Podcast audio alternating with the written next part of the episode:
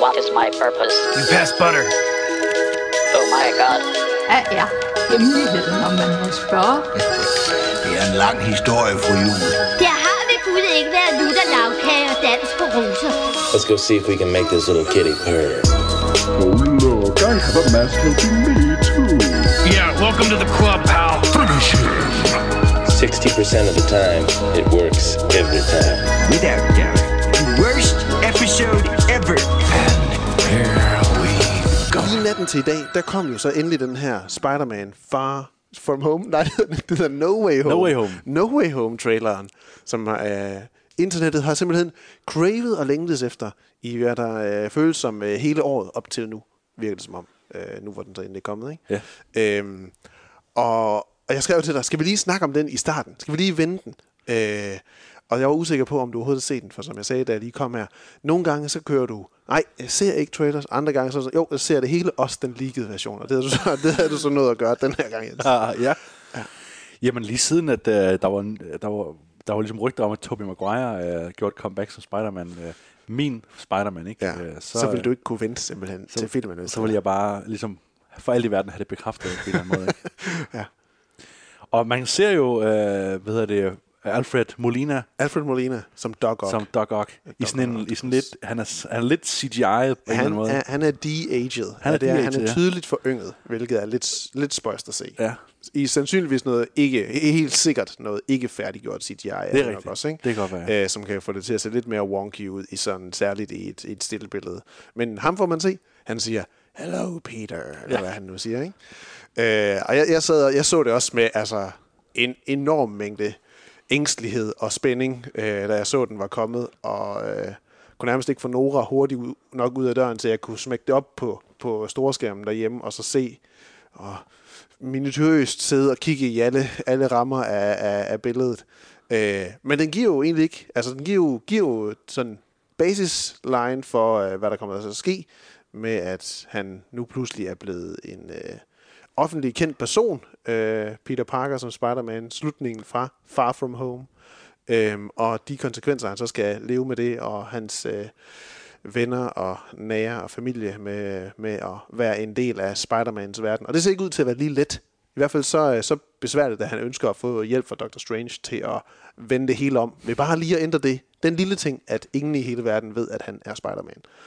Og så gøres det sikkert samtidig med, at Wanda hun gør et eller andet, og Loki og Sylvie de gør et eller andet i sammen med He Who Remains fra Loki-serien. Og så er det, så starter What If-serien. Hvordan er det nu? Det var et eller andet med, at folk har fundet ud af, at sådan noget 21 minutter inde i uh, både det sidste uh, Loki-afsnit og det sidste uh, WandaVision-afsnit, der er ligesom det afgørende vendepunkt uh, for serien. Ja, Nå, ja, det var noget med, at det, det stemte overens med der, hvor det går galt, så at Ja. sige. Altså, altså det, det kan jo godt passe, at det er cirka 21 minutter inde i, I Spider-Man-filmen her. At, at, at, de, at, de, at der også sker noget der. Det, det er faktisk næsten værd at sidde og holde øje med, når man kommer ind og ser filmen. Ja, ja. det er rigtigt. Øh, noget andet sjovt, jeg så, altså, det er jo næsten det, der er sjovt bag efterfølgende at gøre. Jeg havde overvejet ikke at se traileren, men jeg vidste, at jeg ville gå på Twitter, og altså, jeg ville ikke kunne gå på Twitter eller nogen sociale medier, inden, altså, de næste 48 timer måske, hvis det er, at man vil undgå at have noget spoilet, eller forsøge at få noget, øh, ikke at få noget spoilet. Så jeg tænkte, okay, jeg ser den. Øhm, og der var så også nogen, der var inde og sige sådan, jamen altså, hvis man ser den her i den første scene af WandaVision, så kigger de jo på en kalender, hvor det er, at Vision siger sådan, at somebody drew a little heart over the 24th of August. Og sådan, åh, hvorfor, hvorfor har det gjort det? Og så er der den her trailer, der kommer den 24. august, og det er da mærkeligt, og alle, og, og alle de teorier, der jo allerede er folk er i gang med at arbejde på, jamen hvem er det så? Hvem er det så, man ser og ikke helt ser og næsten ser i traileren af mulige skurke, og hvem taler Doc Octopus egentlig til? Er det, er det Tom Hollands Peter Parker, han siger hello Peter til? Fordi de kender jo ikke hinanden. Vil det give mening, han det sagde det, ikke til ham? mening, Nej, det ville det måske ikke. Eller også så er det på et andet tidspunkt i filmen. Der, er, altså, der er jo så meget, og Mephisto er allerede kommet ind igen som en del af det. Fordi hvorfor, hvordan kan Dr. Strange finde på at gøre noget så hovedløst, som at, åbne, som at ændre sådan en ting? Øhm, så det må tydeligvis være en djævel bag ham, der får ham til at gøre det, eller at han er en scroll. Altså, der er simpelthen så meget, der, er- der næsten ikke er værd at, at, at belemre sit hoved med endnu. Øh, jeg så også, øh, der er mange sites, der har jo skrevet det, og Kino har også skrevet det, at sådan, og, og traileren i øvrigt også bekræfter, at Willem Dafoes øh, Green Goblin vender tilbage. Øh, Og altså, ja, man hører hans stemme, ikke også? Man hører hans stemme i Man hører latteren i, der, Man hører latteren, og han siger et eller andet i filmen. Men det, det er jo, altså, kold, koldt vand stadigvæk ikke. Altså, der er stor sandsynlighed for, at han godt kunne dukke op, men det er stadig ikke bekræftet. Det er stadig ikke bekræftet, så længe der ikke er nogen casting øh, bekræftelse på det, eller at man direkte ser ham i en trailer, så er der jo ikke nogen sikkerhed for at sige, at Willem Dafoe også er i filmen her. Det, man ved, at Alfred Molina er der, Jamie Foxx's Electro fra The Amazing Spider-Man 2, Andrew Garfields øh, film er med. De er bekræftet, ja. De er bekræftet af ligesom. Øh, og jeg husker ikke som, at der er andre, der rigtig er bekræftet. Men der er også nogen, der så der, hvor det er, at Peter han sidder i et afhør, altså bliver forhørt, og tænker sådan, hvem er den flotte øh, hvide øh, underarm med hvid skjorte og, og, og sort slips på? Er det Matt Murdock? Er det Daredevil, der kommer ham til undsætning? Og sådan, åh, oh, puha, lige være igen. Altså, der ja, altså, det er som om, at det, altså, det er som om også, at internet, altså det ville da være fantastisk, hvis alt sammen det var sådan, det var. Men det ville jo være ja. fuldstændig vanvittigt også, at skulle cramme alle de her ting ind i en og samme film. Så der er nok, der er nok en god idé i at prøve, prøve, altså jeg har svært ved det selv, at temper lidt forventningerne til den film der. Øhm, Men de har, taget, de har jo virkelig taget os ved næsen med stuntcasting, stuntcasting før ikke i, uh, i WandaVision med Evan Peters, Ja, ja, ikke, hvor jo. at, uh, at, og det tænkte, jeg tænkte også lidt det samme med Alfred Molina, ikke, at, uh, at det kan godt være, at han bare er en stuntcasting, uh, ja. at det altså at den Dr. Ock, vi ser, ikke har noget som helst at gøre med uh, de gamle Tobey Maguire-film, Ja. og, og alt det der, vi havde håbet, det måske bare er, det er ligesom i WandaVision, ikke? Der er egentlig ikke noget multiverse over det. ja. Men det, Men det, han siger multiverse. Han siger, if when you're Strange temp- siger det, ja. ja tampering with præcis. the multiverse, ikke? Og det er, det er det, der sker jo. Det må vi jo næsten tænke, der sker. Ikke? Og Loki og What If, det hele det er ligesom på vej derhen. Ja. Så det ville være mærkeligt, hvis de så virkelig skulle pull one under os der. Også den blev, de teasede det jo også i Far From Home, ikke? Altså der sagde de jo, at, at Mysterio var en held, der kom fra en anden dimension. Det var en af hans tricks til at snyde Spider-Man. Det Ja, var, det at han kom rigtigt. fra en anden dimension. Men det er jo netop en af de der, hvor man tænker, Tænk, åh, "Nå, oh, nu kommer det, og så ja, var det bare en, så en var der fake noget out. Ikke? Snyd og noget snyd. Hvordan føles det at se uh, Dr. Octopus igen? Det føles fedt. altså, øh, nu, er, nu er det ved at være real, ikke? Nu, nu er det ved at... Og det er jo, og det er jo Sam... Nej, Sam Raimi. Er det Sam Raimi? Nej, det er John Watts. Det er John Watts, men der Sam. Raimi instruerer er Doctor, Doctor Strange. Strange, ja. Den- And uh, Mindfuck of the Multiverse. Ja, det er godt nok, det er godt nok underligt. Det er virkelig underligt, fordi det er så tæt på at få en, øh, en ny Sam Raimi Spider-Man-film, så det kan Ja. blive næsten, ikke? Ja. John Watts, ah, han, har ikke lavet, han har ikke lavet gode Spider-Man-film, det har han altså. In my honest opinion. Nej, nej, nej. Ja, jeg synes også, det, vir- altså, det føles helt mærkeligt at se ham der, men sådan med en virkelig, virkelig stor forventning af, åh, okay, det her, det, det, det her muligheden for at blive noget virkelig specielt, det her. Øhm, og helt forståeligt, altså helt, helt forståeligt, at hvis de har lykkes med at få Tobey Maguire og Andrew Garfield med, at de ikke bliver vist eller refereret til i den første teaser-trailer. Altså, det, der er fire måneder til filmen kommer. Det giver os meget god mening, at de ikke øh, smider deres kort på bordet der. Og jeg kunne godt forestille mig, at, at når den sidste trailer kommer, eller whatever det skal være, at jeg, øh, altså, jeg vil så meget prøve ikke at se den, måske. Fordi, altså, lidt ligesom hvis det var, at Captain America skulle, skulle genopstå på et eller andet tidspunkt, eller, eller Captain America, der griber Thor sammen i Avengers Endgame. Der er nogle ting, der bare er værd at se i biografen, hvor jeg er helt lukket ned, i stedet for at sidde og se det på sin telefon ja. Ja. med earbuds på, eller skruet lige så stille ned for, lyd, øh, for lyden. Øhm, så altså, det, det er en af de film, hvor jeg har det så meget med, at jeg har virkelig ikke lyst til at, at få alt for meget øh, med mig, inden jeg skal se den. Som for eksempel, at Abomination er med i uh, den kommende Shang-Chi. Eksempelvis også ja. det, ja, lige præcis. Og det bliver spændende at se, om det bare er en del af Wongs ferie, at han lige ender med at skulle slås med Abomination. Ja. Ja, Ja. Og Shang-Chi, den har premiere allerede næste uge. det har den nemlig. Her den 1. september kan man komme ind og se den. Ja.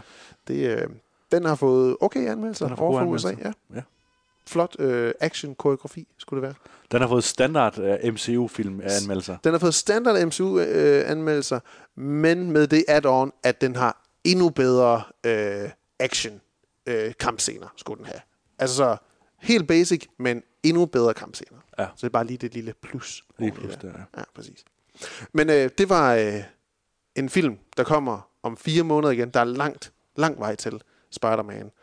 No Way Home øh, kommer i, øh, i biograferne. Øh, og forhåbentlig så gør den det. Over i USA, der frygter de jo, at den her at Delta-varianten, den gør, at den bliver udskudt igen, eller at der sker et eller andet mærkeligt med, at man ikke kan se den i biograferne. Og, kan det her, og vi ved ikke, om det kan have indflydelse på, hvordan det sker, ser ud i Danmark der, men det, det må tiden vise. Jeg har i hvert fald ikke lige så meget lyst til at skulle se den her film på hjemmeskærmen, øh, som jeg eksempelvis havde det med Black Widow, den vil jeg meget hellere, meget, meget hellere se med en masse mennesker i biografen i en stor mørk sal. Men i dag, der skal vi snakke om nogle andre ting. Øh, vi skal stadigvæk have lidt Marvel. Vi øh, vender, som vi lige snakker om i starten, øh, What Ifs. Øh, ikke What Ifs, men What If, den, øh, den animerede øh, Marvel-serie, den fjerde af deres MCU-serie. Der har været mange Marvel-serier, men det her er ligesom WandaVision, Falcon and the Winter Soldier, og så Loki, og så What If. Så de hænger sammen på den måde der. Øh, der har vi set de første tre episoder, som sagt, øh, og de første tre episoder, når du hører det her, er også tilgængelige via Disney+. Så skal vi snakke om Free Guy, øh, ny Ryan Reynolds komedie, øh, som kan ses i biograferne. The Green Knight, også en film, man kan se i biograferne. En øh, knap så actionspækket øh, film som Free Guy måske.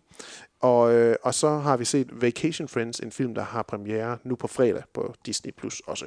Øh, gennem deres Star-sektion, må jeg næsten, øh, næsten tage Ja, det, er- det er gammelt uh, 20th Century Fox. det er, en, ting. det er et efterleven fra den overtagelse, der er ja. lige præcis, ja. Men øh, lad os starte med nogle tomler først. Ja. Jens, hvad har du at byde på? Jeg vil gerne give en stor fed tommelfinger op til uh, den her danske film, som jeg også fik nævnt tidligere. Den her, der hedder Hvor kraverne vender. En, uh, en skøn lille uh, indie-ting uh, om en uh, ung kvinde, spillet af Rosaline Mønster, der vender tilbage til sin familie i udkants Danmark. Det er hende fra Badehotellet. Det er helt på badehotellet, ja. Og, øh, og der er ligesom rigtig fine sådan observationer, rigtig fine øh, parodier på både det her lidt øh, københavnersnoppede tilværelse sat lidt på spidsen, som hun har bevæget sig i, og så den her øh, lidt provinsagtige øh, og meget sådan karakteristiske version af, af nogle gamle mennesker, der følger lidt traditioner og gør lidt, som, der, som de kan, og, og må leve efter det, de har. Og Bo Jørgensen spiller selvfølgelig moren, ikke? fordi det er den rolle, hun altid spiller. Og, Ja. Øhm, der er også en vidunderlig øh, performance af Jesper Groth som den her øh, barndomskæreste, der, er, der ligesom er kommet lidt videre, men måske ikke kommet helt videre, og en masse fantastisk, enormt sjov optrin, øh, der ligesom hele tiden viser den her meget kendetegnende øh, forhold, man har, når man er lidt fanget i mellem to verdener, hvor man både vil gerne være den her lidt øh, Erasmus Montanus virkelighed egentlig, ikke? hvor man er fanget mellem både og vil være øh, en del af det højere borgerskab, men samtidig også øh, har nogle øh, tråde tilbage til, øh, til sådan det mere almindelige øh, liv i, øh, i forstaden. Ja. Så hvor kravene vender, og jeg tror stadig, den kan ses i biograferne. Ja, det tror jeg også, at man godt kan fange den nogle steder. Øh, min tommel øh, op, det går til øh, scener fra et ægteskab. Øh, Ingmar Bergmans øh, tv-serie fra 1973. øhm, og hvorfor, hvorfor er de ikke givet mig til at se den?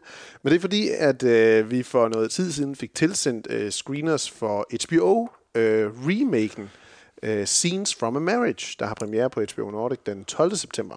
Jeg har ikke set nogen af de, den her nyopdaterede, nyskabte serie, som har Oscar Isaac og Jessica Chastain i de to hovedroller. Ja.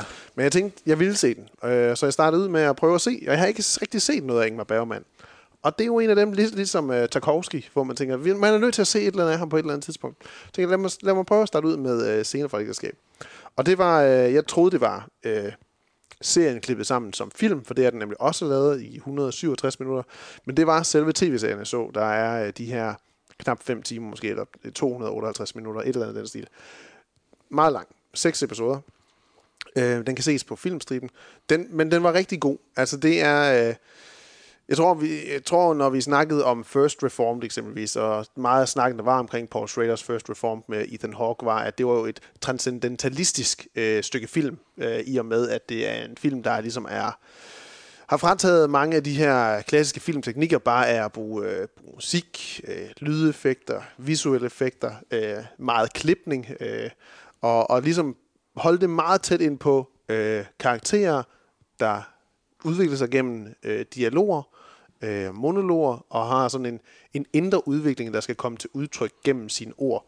Øh, og det er meget det samme, øh, simpelthen i øh, scener fra et ægteskab, eller scener hør et ægt- ægteskab. Øh, Helt et ægteskab. noget i den stil i hvert fald, ja. øhm, og det var øh, enormt spændende at sidde og se. Øhm, jeg delte det lidt op over tre aftener, fordi det er også meget tungt at skulle sidde og se øh, de her episoder lige oven i hinanden. Øhm, men et meget, meget øhm, ja, grusomt billede af ægteskabet, vil jeg sige på nogle måder. Øh, fordi det, det, det er svært at sige, om, øh, om det her ægtepar, de, øh, om det er et lykkeligt sted, man ligesom slipper dem, eller, eller hvad man kan sige, de er i hvert fald i, i uro omkring øh, deres placering i verden, og øh, hvad de betyder for hinanden efter en, en overrække over syv år, som jeg mener, at serien den udspiller sig på. Øhm, og har nogle store opbrud undervejs, og Øhm, og, og jeg var inde og læse om, at den også blev beskyldt for i sin tid om at have, have været med til at forårsage en større, en større øhm, bølge af, af, hvad skal man sige, separationer og, øh, og, og skilsmisser igennem oh. årene, både i, i Sverige, men faktisk også hele Nord- og Centraleuropa, fordi den var meget populær dengang. Fordi den ligesom bringer nogle ting på spil øh, og på tale, som mange måske ikke talte om i dengang. Det er så sådan nogen, der senere har sagt, at det var en bølge, der i forvejen var ved at ske, i og med, at kvinder de kom mere ud af huset og, og arbejde og fik en, en anden type rolle. Noget, som serien også skildrer. Øhm, men den var rigtig god, og øh, jeg synes, den er klar værd at se. Og du skal stadig giftes. Jeg skal stadig giftes. Men det, det, det jo også lige det, jeg vil lige have med som det sidste øh, tilføjelse her. Det var, at jeg synes næsten alle de serier, film, der ligesom har ægteskabet, parforholdet som fokus, det er sgu ikke særligt tit, hvor det er en solstråle historie. Det er det altså ikke. Nej. Before-trilogien, den sidste øh, iteration af den, det er jo også, hvor de er lidt i, øh, i hundene og ved at muligvis gå i opløsning. Uh, Marriage Story, aha, ja, det var ikke ligefrem heller den lykkelige version, når Barnberg han valgte at portrættere der. Nej. Øhm, men jeg er spændt på at se, hvad det så bliver i den her amerikanske, hvor det er, at det er en, hvordan de ligesom transformerer den historie og de, øh, hvad skal man sige, samfundsmæssige settings mellem mand- og kvinde-rollen i, øh, i 70'erne, Sverige, og så øh, i det 21. århundredes USA. Øhm, den ser i hvert fald rigtig, rigtig spændende ud. Men det, det var også noget, hvor jeg kom til at tænke, det kunne da være spændende, så om- måske omkring den serie, at prøve at lave en, en special omkring de bedste parforhold set på film, eller, eller mest, måske mest spændende parforholds skildringer set på film eller tv-serier. Ja. Øhm, Absolut. hvor man ikke måtte vælge before-filmene, fordi den ville ikke, de ville ikke blive, øh, blive inkorporeret på et eller andet Ja, okay, ja, ja. ja. Udover dem, ja. Udover dem, ja, fordi de er jo næsten ophøjet til at være det bedste. Ja, det, er, det kan man roligt sige, ja. Det er rigtigt. Øhm, så, men det kan ses på øh, filmstriden senere fra et ægteskab. Fedt. Øhm, ja, jeg glæder mig rigtig meget til at se den, og øh, jeg har øh, valgt, som en tommelfinger ned, har jeg valgt øh, noget meget specifikt i virkeligheden. Øh, jeg lytter rigtig meget til Radio 4's øh, øh, radioserie, som handler om øh, stand-up comedy, der hedder Comedy-kontoret, med øh, øh, Anders Fjeldsted og øh, Torben Sangel. Og øh, et specifikt afsnit vil jeg gerne give tommelfinger ned. Det er afsnit, hvor de har Rasmus Heide inden for at snakke om... Øh, om ja, de vil jo... Det, det, er- Centervagten. jeg kan egentlig, jamen det er det. De vil, helst, øh, de vil gerne, øh, jeg tror, Rasmus Heide, han er træt af at snakke om Sendervagten, så det skriver de også. Øhm, det, der sker i øh, afsnittet, det er, at øh, de har ligesom lagt op til, at de skal snakke om lavkomik. Og så Okay. bruger Rasmus Heide rigtig, rigtig lang tid på at, at ligesom være en lille smule bitter over, at han skal repræsentere lavkomik. Ja, han skal Øh, forsvare sig. og som lytter forstår man jo godt, hvorfor han repræsenterer lavkomik. Hvis Ja. man ligesom tænker, de film, han har lavet, alle fra 1, 2, 3, Blå Mænd, øh, Mick Øgendals øh, filmkarriere, ikke? Mhm. Øhm, men det, der så sker, det er øh, noget, som er endnu mere fascinerende, og jeg kan egentlig kun anbefale, at man lytter til det. Øh, men det, der frustrerer mig meget ved det, det er, at Rasmus Heide, han fortsætter så med at have nogle sådan rimelig velovervejede observationer og, og gør sådan nogle sådan rimelig informerede, øh, man kan sige, betragtninger på øh, Will Ferrells øh, film med... Øh, McKay. med McKay, Adam McKay, ikke? Øh, og især øh, Talladega Nights. Og han kommer ligesom til at virke som sådan en, en ret nørdet øh, filmelsker, hvor man bare sidder og tænker, jeg, jeg ender med at tænke hele tiden, ja, ja, Rasmus Heide, men hvis du er, hvis du går så meget op i det, hvorfor kan du så ikke lave noget ordentligt? og det, der frustrerer mig meget, William, det Ja, er, ja. At, øh, at jeg bliver jo bevidst om, hvordan at man kan no- snakke nok så fornuftigt om alle mulige ting, men hvis lytteren, eller hvis folk, der ligesom øh, hører en, eller læser en, eller ser en, de allerede har besluttet sig for, at den her mand har ikke noget at have det i, mm. så, så er det ligegyldigt, ikke? Ja. Og så sidder jeg og tænker på mig selv i den, i den henseende, ikke? Ja. Om, at, om, om folk ligesom en gang imellem vil, vil høre mig, eller tænke på mig, som, ja, ja, Jens, men du kunne jo godt lide The Predator, så uanset hvad du ellers synes, så er det Så er det ligegyldigt. ligegyldigt. Ja. ja, ja, ja, men det er rigtigt. Sådan har jeg det også. Jeg har det sådan, men med nogen ikke, så tænker jeg, prøv at høre, hvis du synes, at Batman v Superman var en af de bedste film øh, i det år, så kan jeg jo ikke stole på din holdning nogensinde. Nej. Det er også derfor, jeg altid siger til lytterne, at stol på Williams holdning. William har... men, men min holdning kan være sådan rimelig... øh, Jeg, flyver, det- jeg flyver meget omkring midten, hvor du kan flyve op og ned under nogle gange. Ja, det kan jeg. Hvis man kan sige det på kan den måde. sige. Der er, du, der, vil jo sige, så der er jo mere spændende, hvad du nogle gange synes, end hvad jeg nogle gange kan synes. Jamen, det er da en klar... Øh, det lyder da rigtig spændende, men der er en klar øh, frustration, man må sidde og have med, når man sidder og kan høre, at der er en, der har ligesom en, en god argumentation, men hvis bagland ligesom ikke taler ind i det, man selv sidder og siger. Ja, der er sådan en mærkelig diskrepans ikke, mellem det, der bliver sagt, og så det, øh, der egentlig er, er, som du siger, baglandet er. Ja, lige præcis. Jamen, det er lidt specielt. Men det er jo sjovt at se. Det kan jo være, at Rasmus Heide, han også går Adam McKay-vejen vejen og laver en dansk succession, øh, er med til det, eller... Det ville være fantastisk. Eller få fat i, jeg ved, hvem, hvem øh, få fat i øh, Mads Mikkelsen øh, til at lave noget, eller hvad hedder det, Don't Look øh, Now, øh, den her Netflix-film med, med Leonardo DiCaprio, som Adam McKay instruerer, eller få fat i Christian Bales danske version, hvem er det Nicolai Likos? I don't know. øh, nu siger jeg bare nogle store danske mandlige skuespillere. Ja. Øh, det er da meget muligt. Altså, hans karriere er da formentlig lang endnu med de penge, han har tjent ind på de film, han har lavet. Øhm, jeg tror kun, jeg har set Blå Mænd af Rasmus Heide-film. Øh, Jeg fik ikke set nogen af de her alle for et eller andet film, og, og heller ikke uh, intentioner om at se dem, eller Centervagten lige forløbig. Det skulle da kun være, hvis han laver den her stilskifte og siger, at vi er nødt til at se hans filmografi færdig. Vi er nødt Ja. til at se det hele, for at se, hvordan er han havnet her. Men det ville da være... Jeg det ville elske, hvis han gjorde det. Ja. Det ville være skønt. For os. Der er jo nogen, der elsker de her film. Ja, ja, det er, altså, det er fred være med det. Ja. Skriv endelig i kommentarsporet, hvor, hvorfor du synes, at de er så gode. Ja. Øhm, min tommel ned. Jeg har simpelthen svært ved lige at, øh, at finde noget, fordi vi jo simpelthen bare havde en løs opremsning af titler i vores episode bare 105 tømt ud, med, ja. med Martin. Der blev simpelthen tømt ud af, af ting, jeg har set nærmest øh, inden for den sådan seneste, seneste fortid. Øhm, så, og, jeg, og det har det okay med min krop også, så det var lige, hvad skulle jeg sige? Jamen, så kunne det være sådan mere sådan nedad på den eksisten- eksistentielle plan, hvis det var. Fordi jeg, jeg tænkte sådan, jeg så, jeg havde tænkt sådan over det, og jeg så også nogen skrive sådan, what, nu er det snart. Øh, det føles som om, det snart er jul lige pludselig. jeg sad og lagde sådan sammen og sammen og sagde sådan, okay, jamen, lige om lidt, så har jeg fødselsdag. Så går der kun lidt under en, øh, lidt over en måned, så har du fødselsdag, Nora. Så, øh, så skal mor og far giftes. Så har øh, mor fødselsdag, og Andrea, din øh, kusine fødselsdag, og så er det jul. Altså, det var pludselig ikke særlig mange nedslagspunkter, inden det var, at det var jul. Hvor jeg stadigvæk sådan, sådan kan sidde og føle, jamen, hvornår går 2021 egentlig i gang? Og så tænker jeg, hvordan, hvordan kan jeg have den følelse? Og så tænker jeg, jamen, det er måske fordi, at man, man ikke længere, eller jeg ikke længere er i den del af livet, hvor der ligesom er klart opdelte faser af, nå jamen, så er det et nyt skoleår, det er en ny klasse, man kommer i, det er et nyt sted, man skal hen, det er en ny skole, det er nogle nye mennesker, man møder. Der ligesom er nogle klare udviklingspunkter, der siger så, nå jamen, det her, det sker jo i år, øh, og nu starter, den del, nu starter året, når den del så går i gang. Fordi nu lever vi jo mere, nu lever vi jo mere et liv, hvor det ligesom er, når nytår, så er der arbejde igen. Så er der sommerferie, så er der arbejde igen, og så er det nytår, så er der arbejde igen. Og det er bare de samme mennesker, man ser, medmindre man har intentioner om ligesom bare at skifte arbejde hele tiden, og det ser heller ikke godt ud på ens LinkedIn-profil jo. Øhm, så det, det var bare sådan en, det er sgu lidt nederen, kom jeg lige til at sidde og fundere lidt over. Men så er det godt at prøve at tænke over, jamen, der kommer også Spider-Man uh, No Way From Home på et tidspunkt. Det kan være et nedslagspunkt inden jul. Og Dune kommer, og, Dune. og vi skal i sommerhus. Finde alle de der gode ting, ikke de der træls ting som fødselsdag og bryllup. det skal lige her siges, at jeg elsker min kæreste, som øh, sidste uge sagde, jamen, jeg får aldrig rigtig liket de opslag, du laver, William, på Facebook. Så, Nej, det har jeg også godt lagt mærke til, du ikke det gør." Og så likede hun lige 8, men jeg tror ikke, hun lytter heller. Men øh, Nej, ja, jeg glæder mig til vores bryllupsdag. det gør min kæreste heller ikke. Nej. Så derfor kan vi sidde og sige alt muligt om dem. Ja.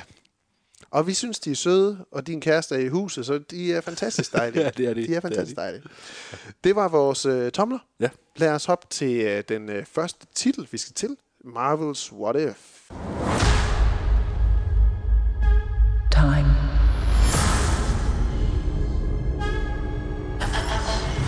Reality. Reality.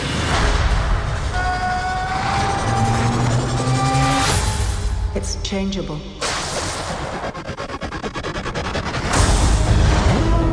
Where you want to be?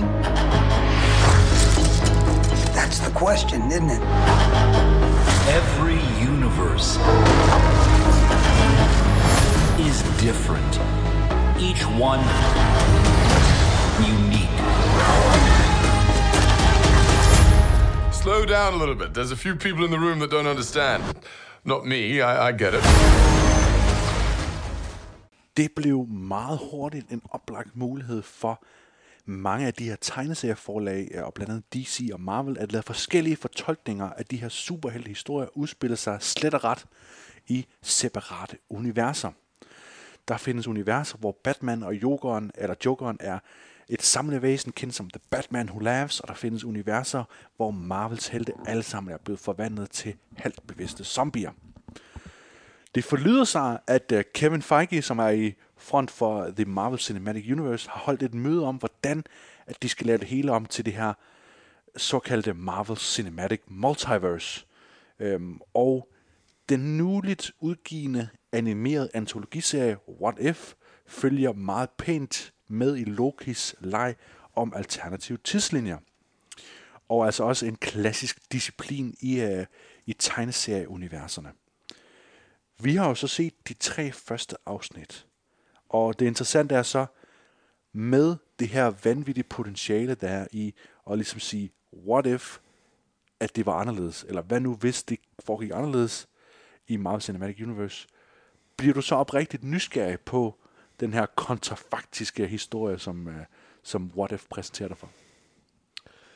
Konceptet synes jeg jo er enormt spændende. Mm. Jeg synes, ideen er rigtig, rigtig spændende, og det er en fin måde ligesom at sådan lave sådan en blød indrulning ind i, jamen hvad betyder det egentlig, det der, som man så ske i slutningen af Loki, hvis det er, man ligesom også bare følger med i hele strømmen af, hvad Marvel udgiver nærmest. Ikke?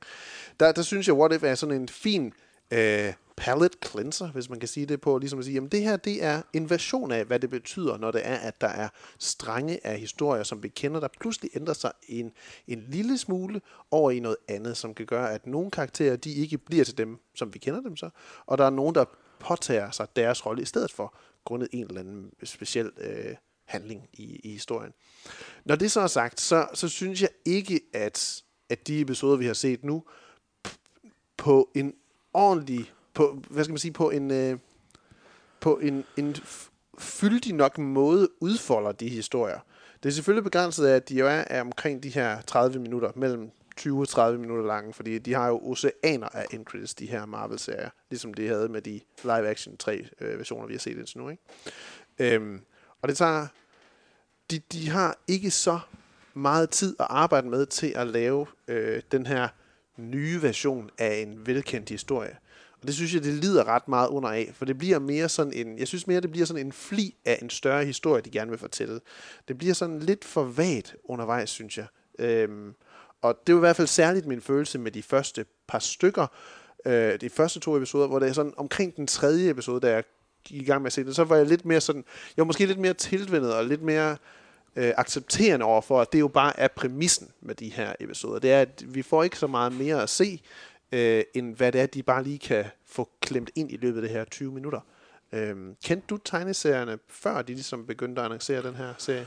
Altså, øh, der er jo, øh, et af de afsnit, der kommer, er jo øh, den her Marvel Zombies, øh, som er sådan en rimelig anerkendt øh, serie efterhånden, ikke? Øh, og, og den del af det tænker jeg, men det er jo ret interesseret, men ellers har jeg ikke dyrket så meget af de andre. Øh, jeg har altid, det har altid fascineret mig, og prøve at ligesom læse om mange af de her historier, hvor man siger, jamen hvad nu hvis, at uh, Venom-symbioten overtog en anden af heltene, eller hvad nu hvis, uh, der er sådan en fed uh, historie om, at, uh, at uh, Osborn, han øh, bliver The Red Goblin, ja. øh, fordi han får Carnage-symbioten. Ikke? Sådan noget. Så ja. meget, meget af den her spekulation om, jamen, hvad nu hvis vi bytter lidt rundt på kræfterne, og, og der var gode og der var onde og sådan noget. Så alt det der var fantastisk, men ellers så var det kun det her Marvel Zombies, øh, som der ikke er kommet endnu, som jeg ellers kendt. Ja, hvad tænker du så om de her første tre episoder? Samme spørgsmål, som du gav mig. Altså, hvad, synes, du, det er, synes, du, det er, synes du, det er spændende, af de drejninger, de tager?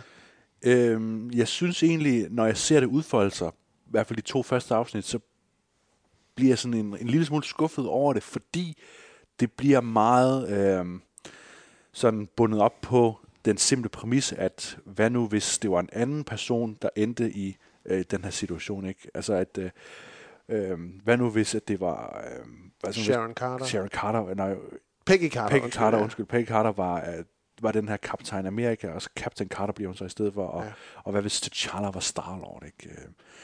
Øh, og det virker sådan, det virker sådan lidt mærkeligt, det virker lidt, uh, lidt kedeligt også, fordi det bliver meget... Uh, det føles lidt for meget som om, at det bare er en gentagelse med en lille bitte justering. Ja. Øhm, jeg synes jo, at det kunne være meget fedt at have den her Captain Carter-historie, og så prøve ligesom at illustrere og sige, jamen, hvad, hvad vil problemet egentlig være, hvis en kvinde under øh, 2. verdenskrig øh, ligesom skulle være en frontfigur, ikke? Altså, hvordan ville kønsmønstrene øh, være? Der er en lille smule af det, men ikke ret meget, og, og særligt det her med, at, øh, hvad hedder det, øh, at Steve stadigvæk kommer til at spille en ret stor rolle ikke? I, uh, i, i, sådan, i sådan forløbet, gør også bare, at det, det er bemærkelsesværdigt det samme, øh, og ikke ret meget anderledes, øh, end at hvis Captain America bare var en mand. Og det er, jo, det er jo ikke interessant at se. Det er jo ikke interessant at se, at vi bare viser en animeret udgave af den samme First Avenger-film, vi, altså, vi allerede har set, ikke? Mm. Øh, med Red Skull og, og så en lille smule Iron Man oveni, ikke? Ja, ja, den befrier sig nemlig ikke. Altså, det synes jeg var det samme. De befrier sig ikke særlig meget af den historie, vi allerede kender. Nej. Det bliver, det bliver lidt for let købt opmærksomhed øh, til noget, som vi ligesom... Jamen, det, det skal jeg da lige se, hvad er for noget, fordi jeg kender, jeg kender brandet. Øh, men det, er- det er lidt for let købt i forhold til, hvad det er, at man ligesom præsenterer det her som værende noget andet, altså en anden version af de historier. Og det, det kan godt være, at man ligesom bare tænker, at det må da være noget mere ekstremt end bare et, sådan lige en, en, en, øh, sådan lidt et blødt sving til højre, som det føles mere som de her episoder. Øhm, og hvor jeg synes, jeg synes jo egentlig, at episode 3, øh, den som øh, ikke har fået en titel endnu, men øh, som man vil vide, hvis man har set den, hvor Loki kommer til jorden øh, og skal forsøge at arbejde sammen med Nick Fury om, hvem det er, der, øh, der forsøger at gøre kål på Avengers nærmest inden Avengers er blevet skabt. Den synes jeg er lidt mere spændende, fordi det er på en måde en historie, der er længere væk fra, hvad vi ender med at se, ud, se i filmene. Ja. Øh, hvor de to foregående, det er, de er så tæt oppe af Guardians of the Galaxy og, og Captain America The First Avenger filmene, at de føles for, for let genkendelige, hvor det er, at de ikke har ændret nok til, at det bliver, det bliver synderligt specielt. Og det, det er nemlig det helt rigtigt i, i den første version. Det, det, altså, det mest spændende ved det, det er, eller ikke det mest spændende, men noget spændende, det vil jo netop være at se, jamen, hvad det, hvordan ville samfundet så reagere på, at det pludselig var en kvinde, der skulle stå i spidsen for alt det her. Ja. Øhm, og de berører ikke særlig meget ved det, som du siger, men noget, som de også bare sådan lidt hurtigt kører henover, det er jo, at, at hun langt øh, mere end Steve tillader sig, hun, øh, hun tillader ikke mændene at bestemme, hvad det er for en rolle, hun skal gøre. Hun gør bare de her ting. Ja. Hvor det er vi jo i First Avenger ser, hvor meget Steve Rogers, han faktisk ligesom bare lader sig være med på at være en galionsfigur, yes. uden at have nogen egentlig effekt. Ja. Hvor det, og det er, jo, det er jo så vidt en, en god pointe, serie, øh, serieepisoden der, den så laver ved at sige, jamen hun, hun, nej, hun, hun ved godt, at øh, det er nødvendigt, at hun bruger de her kræfter, så hun gør det faktisk. Øhm, men det, den, den kan ikke udforske hele det spekter af mulige temaer, som, som man kunne ønske i, sådan, i så vigtig en bøjning af den karakter, synes jeg. Øhm, og, og jeg synes, jeg synes, den er bedre end What If T'Challa Became Star-Lord. Mm-hmm. Fordi det, den føles endnu mere som noget, nå, jamen, det var bare lige Yondus skib, der landede her og samlede det her barn op, og det barn gik bare med, uden spørgsmål. Og så 20 år senere, så var han Star-Lord. Ja. Øhm, og ting med Thanos og The Collector, og det, ja. det, det, kommer, det kommer til at virke mærkeligt usammenhængende i den episode, synes jeg. F- fedt at høre uh, Chadwick Bosemans stemme, helt sikkert, som, uh, som T'Challa igen, men, men, der, men der er ligesom stadigvæk ikke nok i den episode heller til at holde mig vildt interesseret øh, episodens længde taget i betragtning. Ja, for der, der, der bliver det bare øh, et eller andet sted et mærkeligt takedown af, af Peter Quill som figur, ikke? At, øh, at, at det, den, det afsnit gør rigtig meget ud af at sige, at, at hvis det havde været sådan en, en, øh, et, et medlem af en højprivilegeret royal familie, der blev Star-Lord, så ville universet og galaksen have været et, et langt bedre sted at være. Øh, med, med Thanos i et helt andet sted, og, og han vil være mere anerkendt som øh, person Starlord, ikke? Øh, jeg synes alligevel, at, øh, at afsnittet har en, en sådan fed øh, sådan spænding til sig. Der er nogle, nogle fede sådan, øh, action-optrin, hvor man tænker, åh, det er fedt at se øh, dem slås, og, og der er også et element af, at, at de virkelig bruger universet øh, lidt mere frit, øh, som de kan i What If og animation, ikke? At, øh, at, at hele det her med, at, at sådan, hvis vi nu forestiller os, at Collector har adgang til et helt arsenal af, af sådan øh, sjældne våben og sådan noget, hvordan, ja. hvordan ville det så ligesom komme i spil, ikke? Og det synes jeg, der er ligesom noget fedt, ikke? Og det er fedt at, at sidde og forestille sig, hvor, hvordan en actionscene kunne udfolde sig på den måde. Det ja. ser man så også, ikke? Øh, at øh, der leger de med det, ikke? Øh. Men det er allermest det tredje afsnit her, hvor at, øh, at man virkelig får udfordret universet, og, øhm, og noget af det, man kan være bange for, det er, at, øh, at de er så påpasselige med deres figurer, at, øh, at de ikke kan justere dem ret meget andet end at sige, at så er de bare helte på en anden måde. Men i det tredje afsnit, der får vi jo så alligevel lov til øh, at undre os lidt over, jamen, hvem har ren mel i posen, og hvem kan være gode, og hvem kan være onde, ikke? Og, Ja. Øh, og selvfølgelig kommer det i, lidt i tråd med Loki, men det er altid fedt at se uh, Loki som den her tvetydige figur, ikke, der kan både være god og være ond og have sine egne motivationer, og nogle andre figurer, der også får lov til at, uh, at, at optræde på en helt anden måde, end vi er vant til at se Ja. dem i, uh, i filmene. Ja, det der er ved slutningen af episode 3, synes jeg, det er, at, øh, at den måske bygger for meget op til en lidt for hurtigt løst slutning. Altså, det er lidt for, det er lidt for kort fortalt, hvor vi, altså, når vi kommer til afslutningen af, hvem det er, der gør de her ting mod, øh, mod de soon-to-be øh, Avengers-karakterer, øh, som vi kender dem. Øh, men jeg synes jo nemlig også, den er spændende, fordi det føles lige præcis, som du siger, som lidt en større udfordring af, hvad er det, hvad er det de kan tillade sig, hvad er det, de kan prøve af, hvor de andre føles lidt mere bare som, hvad nu hvis vi tog X-karakter byttet ud med øh, Y-karakter. Og det er i den her, det er sådan, okay, men det er den samme setup, men der sker bare noget, der gør, at det her overhovedet ikke sker. Øhm, så på den måde føles episode 3 som lidt af en anden type. Og det var nok også derfor, jeg synes, den føltes mere som en, jeg egentlig havde lyst til at se igen, hvis det var, jeg skulle det. Øhm, og billedsiden, jeg er enig, jeg synes, den er, den er rigtig, rigtig flot. Altså den her cell-animation er, er vildt lækker at se på, og jeg kunne sådan, hvad jeg lige kunne læse mig frem til, så minder det meget om, om Undone fra Amazon Prime Video, som vi også så for øh, et-to år siden Ja, og anmeldt. Øhm, og den, den ser rigtig, rigtig flot ud, og actionscenerne, de er, øh, de er virkelig gode. Altså, når det er, at øh, Peggy Carter, hun øh, giver test til nogle øh, Hydra-agenter, så, så er der noget kraft bag, øh, og det ser, det ser godt, det er godt lavet. Øhm, og det er også mange af de samme stemmeskuespillere fra, øh, fra live-action-filmene, som er med her, hvilket er, er et kæmpe plus jo, selvfølgelig. Altså kæmpe, kæmpe plus. Men der er så bare lige det, at når der er de her enkelte karakterer, som jo så Ja. typisk er de allerstørste karakterer, eksempelvis ja. som Captain America, Steve, eller Steve Rogers, og så uh, Tony Stark, Tony Stark, Iron Man, ja, ja. som jo spilles af Chris Evans og Robert Downey Jr., at de så lige præcis ikke er de rigtige stemmer. Så kommer det til at føles lidt mere som en ikke fuldendt løsning, det her med at have så mange af de stemmer, hvor man kan høre, nå ja, det er Sebastian Stan. Nå ja, okay, det er, øh, det er hvad hedder det, øh, det er en Samuel L. Jackson, der er der. Det er Clark Gregg som Coulson. Alle de her ting. Og så, nå, jamen, det kan jeg godt høre, det ikke er Downey, det der. Og det der, det kan jeg også godt høre, ikke er Chris Evans. Der føl, der, og det er jo klart, de karakterer og de skuespillere, de er ikke længere en del af universet gående fremad. Men det er Josh Brolin, ikke? Josh Brolin er det, lige præcis Ja. jo. Og det er Karen Gillian, Karen Gillian også som, øh, som Nebula, Mhm. mm-hmm. øh, og, og Michael Rooker som Yondu. Så der er rigtig mange af de samme skuespillere med, hvilket er fantastisk. Men det står bare lidt mere skarpt, når det er, at man så hører, åh, oh, det der, det stemmer ikke, det passer ikke sammen med, med resten af, af stemmekasten, hvilket er lidt ærgerligt. Man kan godt forstå det, men, men det gør ligesom, at, at helhedsfornemmelsen i, at det er en ny version af, af et univers, ikke, ikke, helt, ikke helt lander, som man måske gerne ville have ønsket, at den kunne gøre. Ja, jamen, altså for mig at se, så, øh, så tror jeg, det, det er... Øh, det, det er en svaghed, eller det taler imod det, som de kunne have gjort med What If, at de har været så ivrige efter at få øh, de samme figurer til at optræde.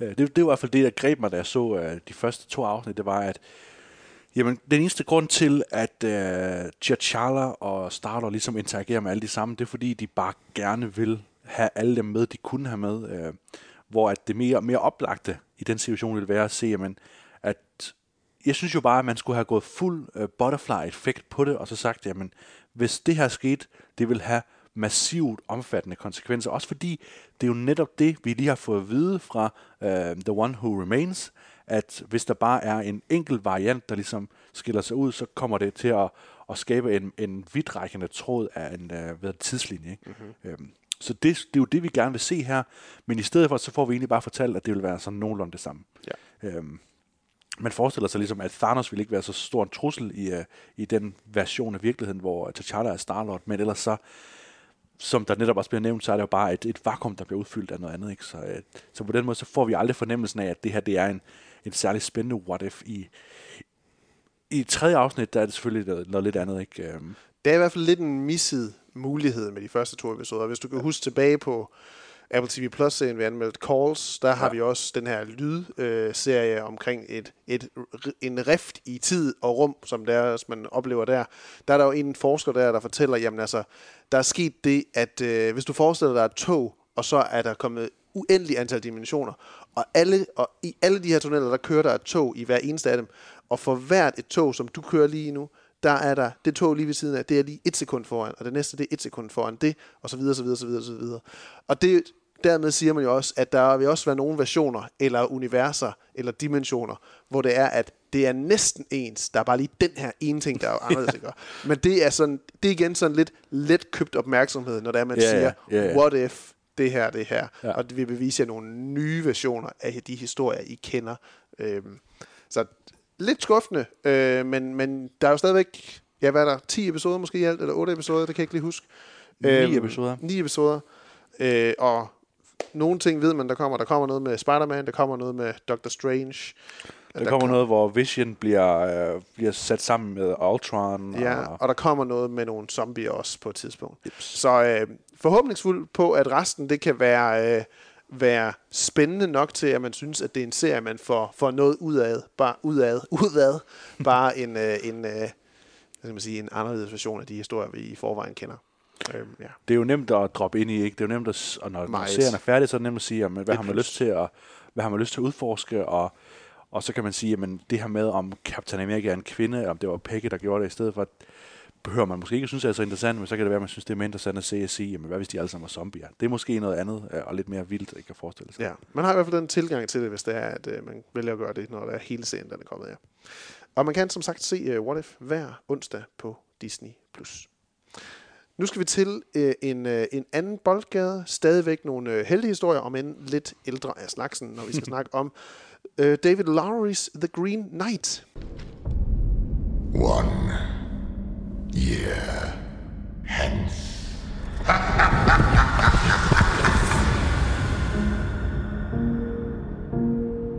Another year nearly gone already. You must seek him out. Was it not just a game? Perhaps. But it is not complete. You'll find no mercy, no happy end. You stop me? Your doom is at hand. Og øh, The Green Knight, den er som sagt instrueret her og, og skrevet af David Lowery. Den er baseret på historien af Sir Gawain og den grønne ridder, eller Sir Gawain and the Green Knight. Og som man kunne finde ud af, når man ser filmen, det er, at der er lidt, uh, hvordan skal man egentlig udtale Gawain? Er det ja. Gawain, eller Gawain. er det Gawain. Og jeg var mest på Gawain, så jeg var lidt sådan, hvad, er det, troede du det laver, Gawain. Sean? hvad er det, du laver, Sean Harris, der spiller The King eller King Arthur? Ja. Øh, en historie øh, her fra det 14. århundrede filmet i smukke, barske omgivelser i Irland. Den skulle oprindeligt være udkommet sidste år i maj, og mens de ventede på en ny premieredato, der brugte David Lowery her seks måneder på at klippe filmen om fra sit originale cut, da han ikke var helt tilfreds. Nå. Øhm, ja, så det kunne have været en, en, en anderledes film, man havde set, hvis der ikke havde været pandemi og det hele. Men øhm, et, et lille oplæg, eller måske snarere, det, det, er lidt en spoiler-sektion øh, her, det, men det er meget let. Det er lige sådan som at se en trailer, eller, eller læse et summary her, vil jeg sige, øh, en, en startdel af filmen. Så Jens, jeg vil bede dig om at lukke øjnene meget i tråd med øh, oplevelsen af at se filmen. Første gang, du har måttet se den to gange, fordi vi så den i en sen aftentime. Ja, det og, gør vi godt nok. og, og, og måske var lidt for træt til den her type film. Ja. Okay. Du, øh, du har lukket øjnene, det er godt, Jens. Og jeg kan også anbefale jer derhjemme til at lukke øjnene, hvis det er. Du lever et liv i sus og dus i det 14. århundredes Camelot. Du iklæder dig i dine rober og sadler op på hest mod festmiddag. Mærk duften af den dejlige mad og modne frugter. Da pludselig døren går op. Et grønt monster udfordrer dig. Du griber om din onkels svær, der er tungt og koldt, og du svinger sværet gennem halsen på det grønne monster, hvis hovedet falder af. Mærk kontaktfladen mellem svær og hals. Men monsteret er i live, og du skal ud på en rejse. Stadig med lukkede øjne. Du drager afsted med børn løbende efter dig. De kalder dit navn. Du mærker varmen stige fra mave til bryst og ud i dine fingre. Du møder fremmede på din vej. De vil hjælpe dig. Men de fremmede er onde. Da du hopper af hesten, angriber de dig. De truer dig med en kniv mod din strube. De stjæler dit tøj. De tager din hest. De binder dine hænder og fødder og putter en knibbel i din mund. Nu ligger du der. Kold og efterladt mod den hårde jordbund. Du er helt alene. Din hest er væk. Du har mistet dit svær. Dit tøj er blevet stjålet. Du er sulten og kold. Du ser syner om din død. Nu kommer reven! Den amerikanske instruktør Chad Hartigan, der har instrueret Little Fish og Morris from America, han beskriver The Green Knight på sin uh, letterbox således. As someone who loves grand visual storytelling and seeing things on the big screen, but hates superheroes, green screens and cars that are fast and or furious, this was the only nourishing meal I've had for 18 months. Altså det er en, der synes, at det her det er den første uh. film på det store lærred, hvor han faktisk har følt, at der var noget næring og substans til uh. i løbet af sidste halvandet år. Var det en lignende oplevelse for dig, Jens? Af film på det store lærred? det er jo, den har jo en fantastisk plakat. Green Knight er jo, det er jo sådan en, en, en skrigerød plakat med gule bogstaver, der står Green Knight, og så står Dev Patel, uh, sådan rigtig heroisk, men løftet økse i vejret. Og man tænker, ja, det er en actionfilm, der kan noget af det her, ikke, tænker man. Den snyder dig ind. Men så har man ikke uh, set nogen af David Lowrys andre, andre film. film øhm, især den her, altså den minder rigtig meget om, uh, sådan tempomæssigt i hvert fald, om, uh, om A, A Ghost Story. A Ghost Story? A Ghost Story, ja.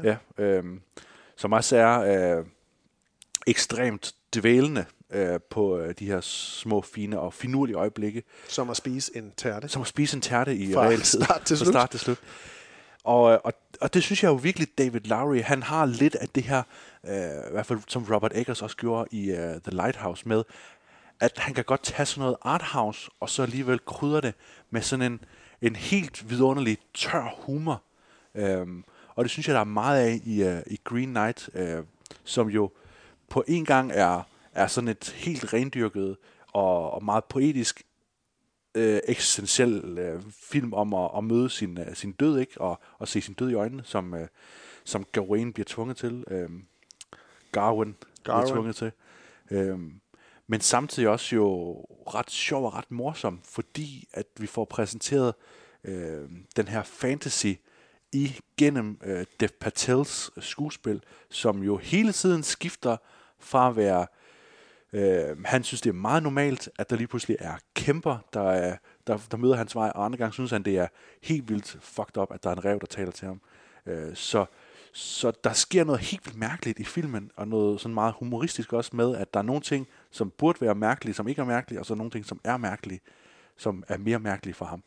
Øh, hvis de giver nogen mening. Øh, men jeg faldt jo i søvn, fordi den er ret kedelig også. Øh, der er ikke nogen handling som sådan, vel? Det er en, øh, en, en road movie, der tager lang tid om at komme i gang. Øh. Hvad, hvad siger du? Synes, du synes, det var ret god, ikke? Jo, jeg synes, den var rigtig god. Ja. Og øh, altså, nu havde jeg dig og Jesper, vores anden småbørnsfar i gruppen, øh, siddende øh, på hver min side, og I var begge to fremme og sidde med albuerne på knæene en gang imellem lige og, og spidse, spidse ører og øjne. Øh, det gjorde jeg mest alt, fordi jeg bare synes det var spændende Fordi undervejs. du skulle bare lige præcis. absorbere det. Absorberende, ja, det var jeg synes nemlig absorberende. Jeg synes ikke, det for mig er den, det første nærende måltid af en film, jeg har fået de sidste. Jeg har blandt andet set Druk, en film, der heller ikke nødvendigvis siger alt, hvad den har på hjerte, øh, lige, lige, øh, lige på et fad. Øhm, og, men jeg synes, det var en utrolig dejlig film at sidde og se, fordi den er meget kompromilløs omkring, hvad det er, den prøver at fortælle. Mm. Fordi den netop ikke bare serverer det til dig på et sølvfad og siger, jamen den handler om det her, og den handler om det her, og den handler om det her. øh, fordi den, den undervejs leger så meget med, hvad det er, vi skal forestille os, at vi ser. Øh, og hvad det er, vi skal forestille os, at Gawain ser Ja. undervejs på sin Ja. rejse. Fordi den starter egentlig ud med at være sådan nogenlunde øh, befinde sig i et i en virkelighed, der føles virkelig også. Indtil der pludselig er en, øh, et grønt træmonster af en ridder, der banker på porten og kommer ind og udfordrer til duel øh, ved øh, det runde bord, hvor King Arthur han sidder. Eller det er vel ikke det runde bord, det er vel nærmere... Det er en rund forsamlingssal, Det er hesteskoen. Ja, det er, heste, det er hesteskoen, fordi der er ikke nogen bord midte jo rigtigt. Nej, vel? nej. Øhm, og udfordrer til en, en duel som Gawain, der er øh, erfaringsløs, har ikke begået nogen heltedåder eller noget som helst endnu, har ikke noget at fortælle sin onkel, øh, King Arthur, eller Kong Arthur her, og påtager sig så udfordringen. Flux hugger hovedet af den grønne ridder, og øh, uden at tænke meget mere over det, øh, jo så også har glemt helt, at der bliver sagt, og så næste år, så vil jeg øh, gengælde dit slag mod mig. Og det er jo selvfølgelig, fordi han tænker, at jeg, han slår den grønne ridder ihjel. Det må være det, han tænker, ja. Og så starter filmen ellers derfra. Øhm, og så jo længere filmen den bevæger sig frem, så, så oplever han jo ja, nogle, nogle hårde ting øhm, undervejs. Øh, møder en ånd, møder kæmper, som du siger, en rev, der følger efter ham, og som pludselig snakker til ham og advarer ham. Øhm, og, og den har de her sjove, små momenter undervejs, hvilket er nødvendigt, fordi ellers så ville filmen også blive for drænende. Ja. Øhm, og har også nogle, jeg skulle til at sige, ikke ufrivilligt komiske, men nogle for Gawain ufrivilligt komiske scener for ham som karakter. Fordi han er en ret speciel karakter, og det, det skal vi også snakke lidt om, hvorfor, hvor, hvad der ligesom er særligt ved ham som en heltetype. Øhm, men jeg synes altså bestemt, at der var noget, noget særligt over at se den her. Det var en, en fantastisk oplevelse at se netop på, øh, på en stor skærm, øh, den, her, den her film, og ikke have muligheden for at, at dykke ned i sin telefon. For jeg sagde også, jeg fulgtes med, med Martin hjem fra filmen, og sagde også, jamen altså, hvis jeg havde siddet derhjemme og set den her film på det her tidspunkt, så var jeg også dykket ned i min telefon, eller havde pauset den undervejs og sagt, ej, jeg ser resten i morgen, hvis det var, at jeg havde set den på det tidspunkt, vi nu inde, var inde og se filmen i biografen. Øhm, fordi den er nemlig også, den kan netop snilt godt føles som værende tung, hvis det er, man ikke hvis det er, man ikke fanger, fanger an undervejs og ligesom gribes af et eller andet, som man kan prøve at hænge sig fast i, at, at man skal prøve at sidde over, jamen, hvad er det egentlig, hvad er det, han prøver at fortælle mig, Laurie? Hvad er det, han gerne vil vise mig her? Øh, fordi ellers så sidder man jo bare og ser billederne og kan blive lidt træt over den meget langsomme klipning, de meget lange scener, som Laurie han vil. Han er jo selv klipper på filmen her også. Øhm, så han har ligesom taget sådan nogle friheder på den måde der. Øh, og det kan man også godt mærke, at det er meget hans egen film, han, øh, han, han har lavet her. Men så absolut, så synes jeg, så var jeg meget, meget begejstret for den. Øhm, ja. Og man kan se mærke det, når, øh, når kameraet lige panorerer i et minuts tid igennem den mørke, vidunderlige skov, og så panorerer hele vejen tilbage igen. Ja. På samme tid, ikke? Der kan man især mærke, at han har helt selv bestemt, at det skulle, at det skulle være sådan der. Ja, lige præcis. Og der sker jo noget undervejs i den her lange panorering også. Men, Ja. det, er, men det, der sker, det er noget, der er fantastisk på den måde, at det er ikke til at vide, hvad er det, der faktisk sker.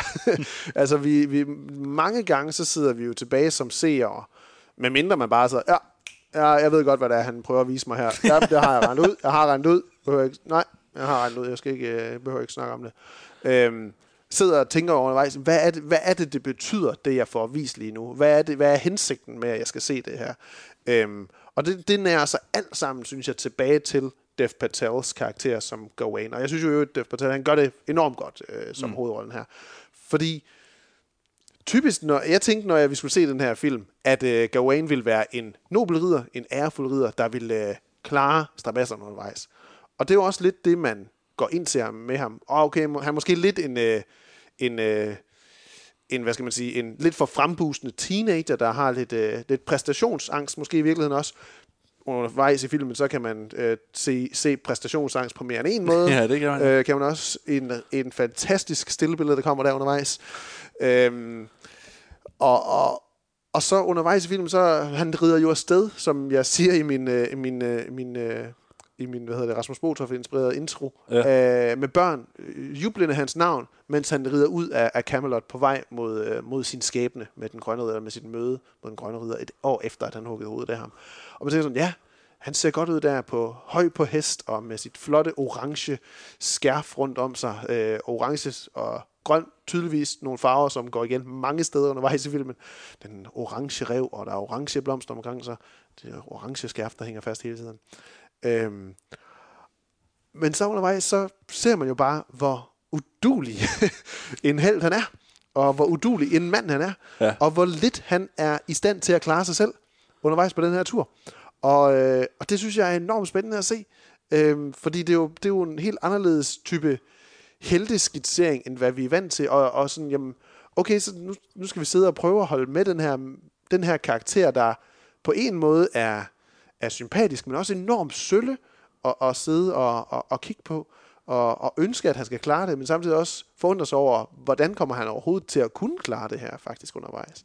Øhm, og så har han jo så alle de her møder med nogle, nogle overnaturlige ting, som, som kan drages til at sige, jamen han er jo han spiser nogle svampe undervejs, og han må hallucinere, hallucine, hallucinere, Hallucinere, Hal- hallu- hallucinere Ja. undervejs, øh, er udsultet, øh, overtræt, øh, og så videre, ikke? Øhm, der bare gør det der skæld med ham. Hvad er det, han, igen, hvad er det, han oplever, øh, kontra hvad er det, han måske faktisk øh, øh, oplever. Øh, og det synes jeg bare var enormt spændende at sidde og prøve at, at regne ud og forundre sig over undervejs. Og, og jeg havde det sådan efter filmen, sådan, jamen der, der var så meget, jeg ligesom havde behov for at prøve at tænke over, jamen, hvad er det, at undersøge, hvad er det egentlig, han, den her type, hvad er det, den her scene, den prøvede at sige, og hvad var det, den her scene ville, ville skitsere i forhold til den overordnede historie. Øhm, og hvor filmen ligesom slutter, der, der synes jeg jo, det, det kringer godt sammen omkring, jamen det er ligesom en historie om, hvad, hvad er det, du gerne vil huskes for? Og hvad er det for en type mand, hvad er det for en type menneske, du gerne vil være? Og det er ligesom det, det, er ligesom det valg, Gawain han skal møde i sin, mod sin slutning af sin historie. Så hvad er det for en type mand, han gerne vil huskes for at være, og, og, og skal tage en, en stor beslutning omkring. Øhm, så enormt godt underholdt, som, øh, som man måske kan høre. Ja. Ja, okay. Ja. Ja, okay. Ja, ja. ja, ja. Nej, men det, det, jeg, jeg kan lide det der ord underholdt der. Det, det, er, det er sådan et ord, man bruger, hvis det ikke er godt. Eller hvis det er, er sådan...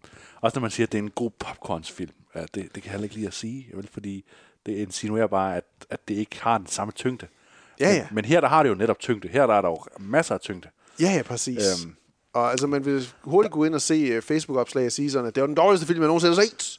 Det var ja, den kedeligste film, jeg der er nogensinde mange, der har bliver set. snydt af det, ikke? Det tror jo, jeg. og det er jo også ligesom du siger, plakaten, det er Dev Patel stående stort med sin økse, sejrende ja. i en flot, uh, flot rød og gul... Uh, Det er med et sats at lave sådan en plakat der. Ja, lige præcis. Nu har jeg ikke set traileren, men jeg forestiller mig også, at traileren er lidt misvisende i forhold Jamen, til ja, det er muligvis. Fordi ja. Ja. den er jo bare... Det er en lang øh, pilgrimsrejse, han er ude på. Ja. Øh, eller dannelsesrejse, han er ude på. Øh, Gawain. Det er, hvis, øh, hvis Nicolas Winding Refn, han havde lavet øh, Ringens Herre, så havde det set sådan her ud. Jeg så også nogen, der anbefalede, at øh, hvis man godt kunne lide The Green Knight, så skulle man tage og se hans... Øh, hvad, hvad er det? Har han ikke lavet en, der hedder Valhall? Jo, det, det, det, det, det, du lige sagde måske? Nej, nej, nej, nej. Jamen, det, men jeg tænkte også, Med at, Mads Mikkelsen. at Mads Mikkelsen der, hvor han er valghalder, og det bare er sådan en lang drone, og der er ingenting, der sker, men øh, vi bare skal dvæle ved, hvor, Ja. øh, hvor mærkeligt det er. Ja, præcis. Så, sådan at, ej, jeg synes, jeg synes jo trods alt, at øh, Green Knight har lidt mere, øh, som du siger, underholdning, inden øh, Reffens er lidt mere besynderlige film, ikke? Øh, som er meget, øh, man kan sige, meget arty-farty. Her der er trods alt et eller andet.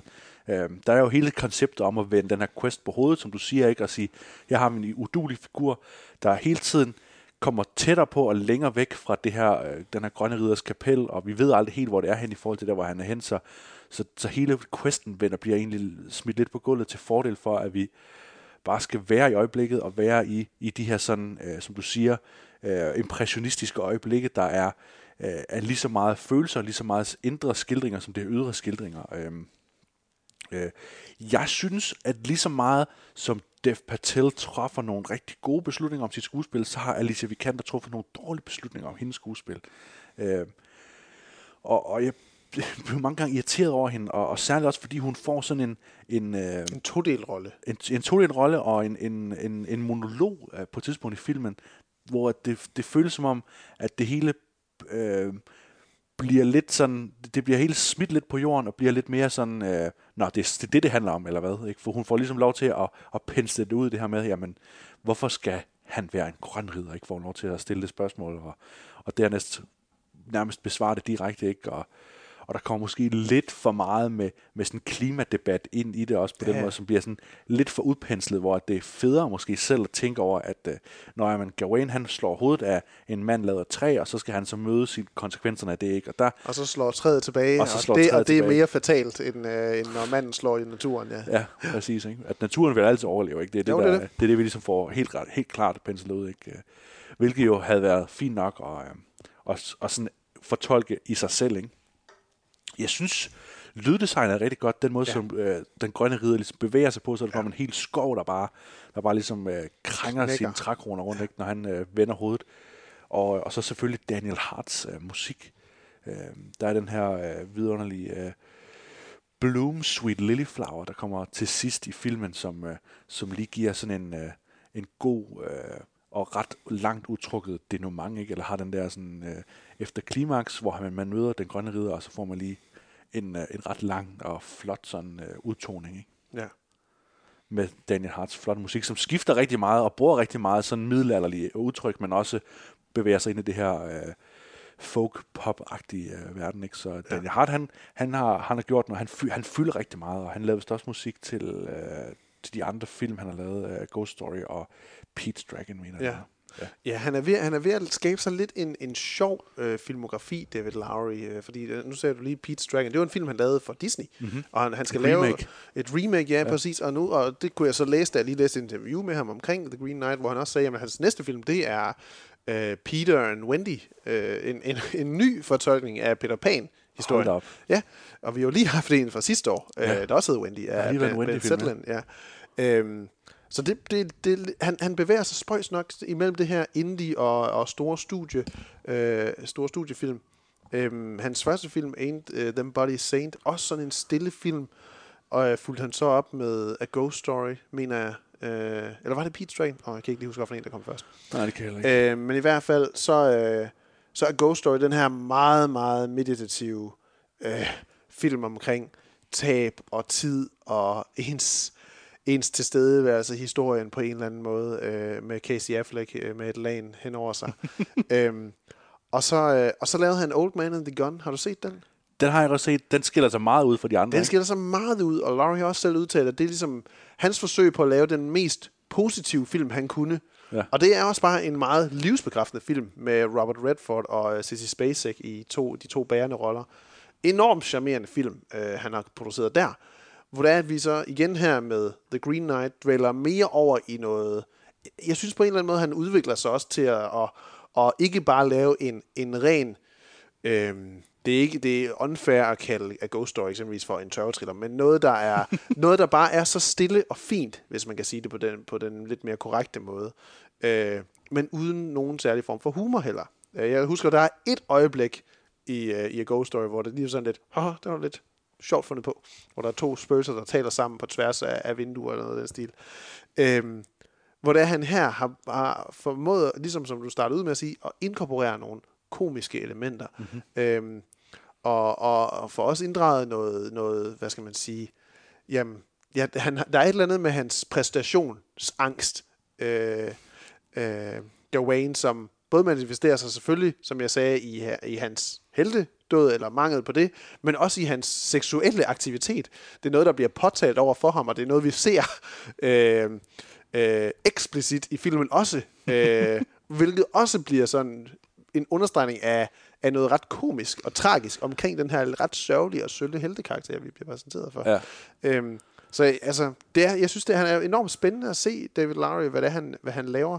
Øh, I interviewet, der sagde han blandt andet også, at jamen, da han først fik ideen og fik skrevet manuskriptet til den her, og han fik noget økonomisk støtte, der, øh, der fik han hurtigt filmet den, inden det var, at de alt for hurtigt fandt ud af, og at de her penge ville nok ikke kunne blive tjent ind igen. øh, den var lavet på omkring sådan de 15 millioner dollars, hvis nok, øh, og der omkring under, to, under, under 22, millioner dollars i hvert fald. Øh, så øh, han har nok også godt vidst, at det her, det er ikke en, en film for et øh, nødvendigvis bredt publikum, og det, det, det er det heller ikke, Øh, fordi du ikke bare bliver givet øh, dens, dens tema og budskab på øh, øh, lige til at lappe i dig undervejs eller mod slutningen. Det er ligesom noget, du skal være åben for at sidde og, og forundres over, og lade dig forundre over. Og, øh, og for nogen, der kan det være rigtig svært at ikke at sidde og frustrere sig over sådan en type film som den her, og, og også nogle af hans tidligere film, øh, Larry. Øhm, men jeg synes, for mig, der er det her den, øh, den nok bedste af hans film, jeg har set, umiddelbart. Og der er, der, altså, der er nok mere til A Ghost Story der. Mm. Øh, den kan jeg virkelig godt lide. Jeg synes, jeg synes Green Knight, det bliver, øh, det bliver lidt for rodet. Det bliver lidt for... Øh,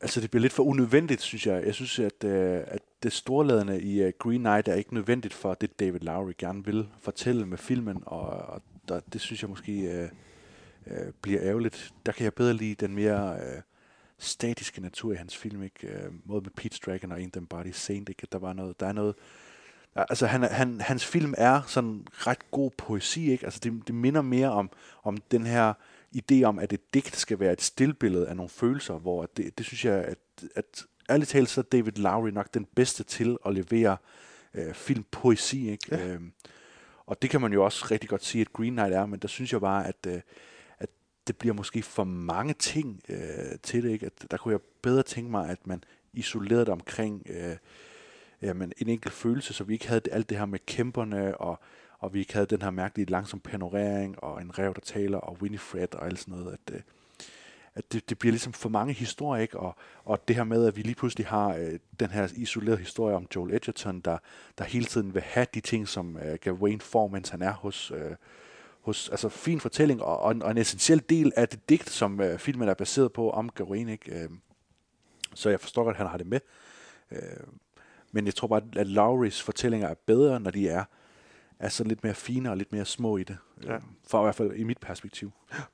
Men øh, skulle man være øh, fået sin interesse peaked af, af det ene eller det andet, vi har sagt om The Green Knight, så kan den ses i biografen nu øh, i, øh, i de fleste af landets biografer, tror ja. jeg. Der er ikke noget med, at øh, der er en stor Disney-korporation, der siger, at den kommer på streaming. Nej, den har de nej. nej. Det er ikke, nej. Øh, men ja, kan ses i biograferne nu her, The Green Knight.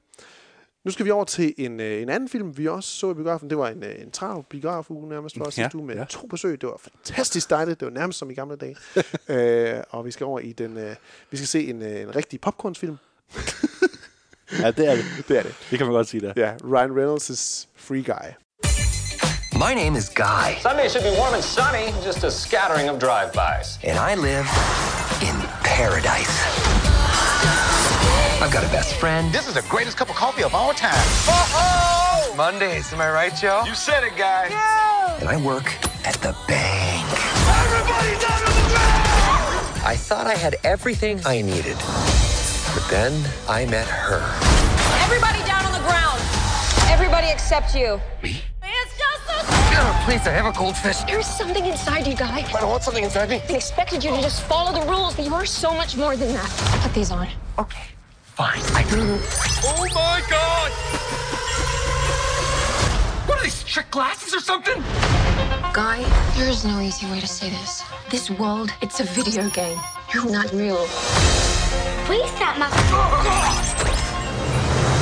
And the guy responsible for this world was going to destroy it. You've met God? Yes, he's an absolute troll.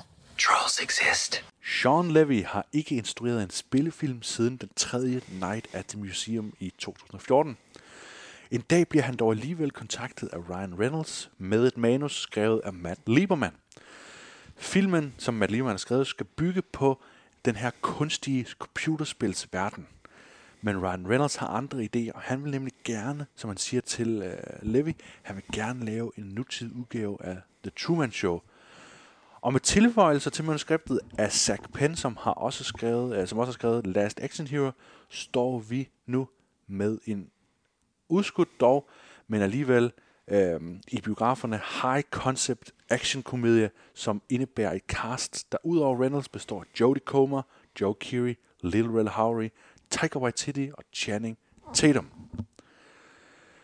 William, når du ser Free Guy, tænker du også på en hel masse andre film, udover øh, den førnævnte øh, Truman Show?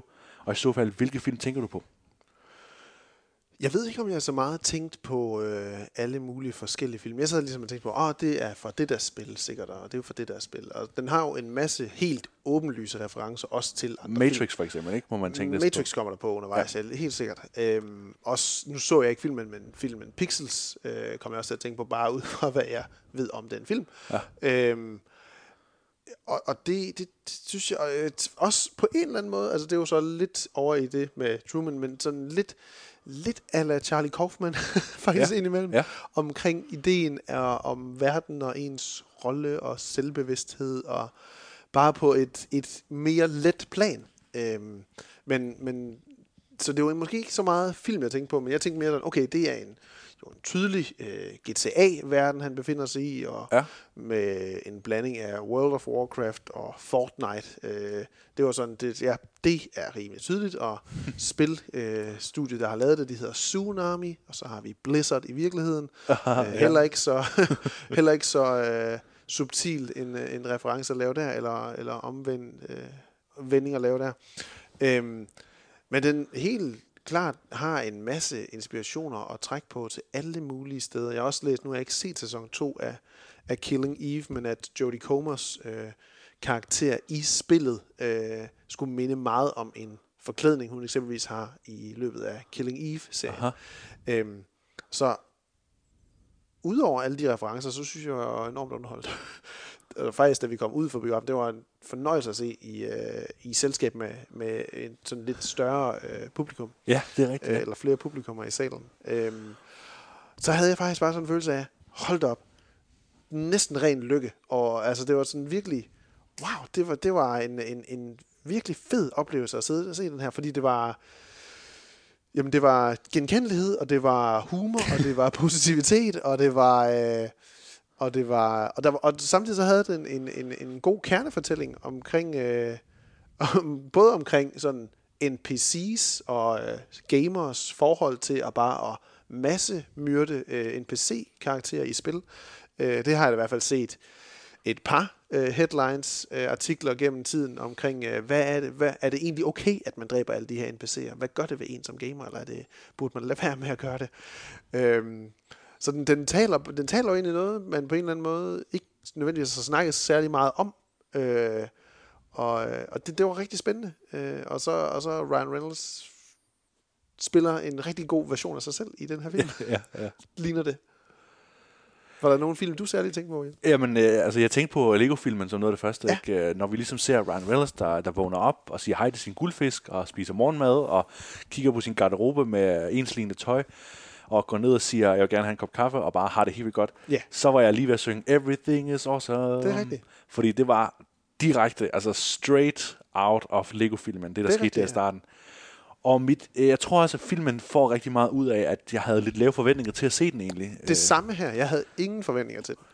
Ud fra traileren, som man jo har set i biograferne, øh, hvor den er blevet reklameret rigtig meget for, så virker det som sådan rimelig... Øh, sådan standard, lad, lad os cash ind, ligesom du siger med pixels, lad os cash ind på referencer til computerspil, og så skal vi nok få tjent en masse penge, ikke? Men, øh, men blev så overrasket over, hvor meget øh, den ligesom gør anderledes fra det, man normalt kunne forvente fra sådan en, en film, ikke? Og, og jeg synes, det bedste eksempel, øh, og jeg kan ikke helt forklare, hvordan, men det bedste eksempel, det er øh, Taika Waititi, der spiller Antoine, øh, den her øh, røvhulsagtige chef for Tsunami, øh, der bare er, er cold cash og bruger en masse rigtig cringe-agtige bemærkninger. Øh, ja. Af en eller anden grund, så virker figuren, figuren bliver aldrig den der øh, Michael Bay obnoxious type, som bare er, er flad og, og endimensioneret. Det er som om, at, øh, at Sean Levy har formået at gøre samtlige figurer til, øh, til meget komplekse og, og sammensatte figurer.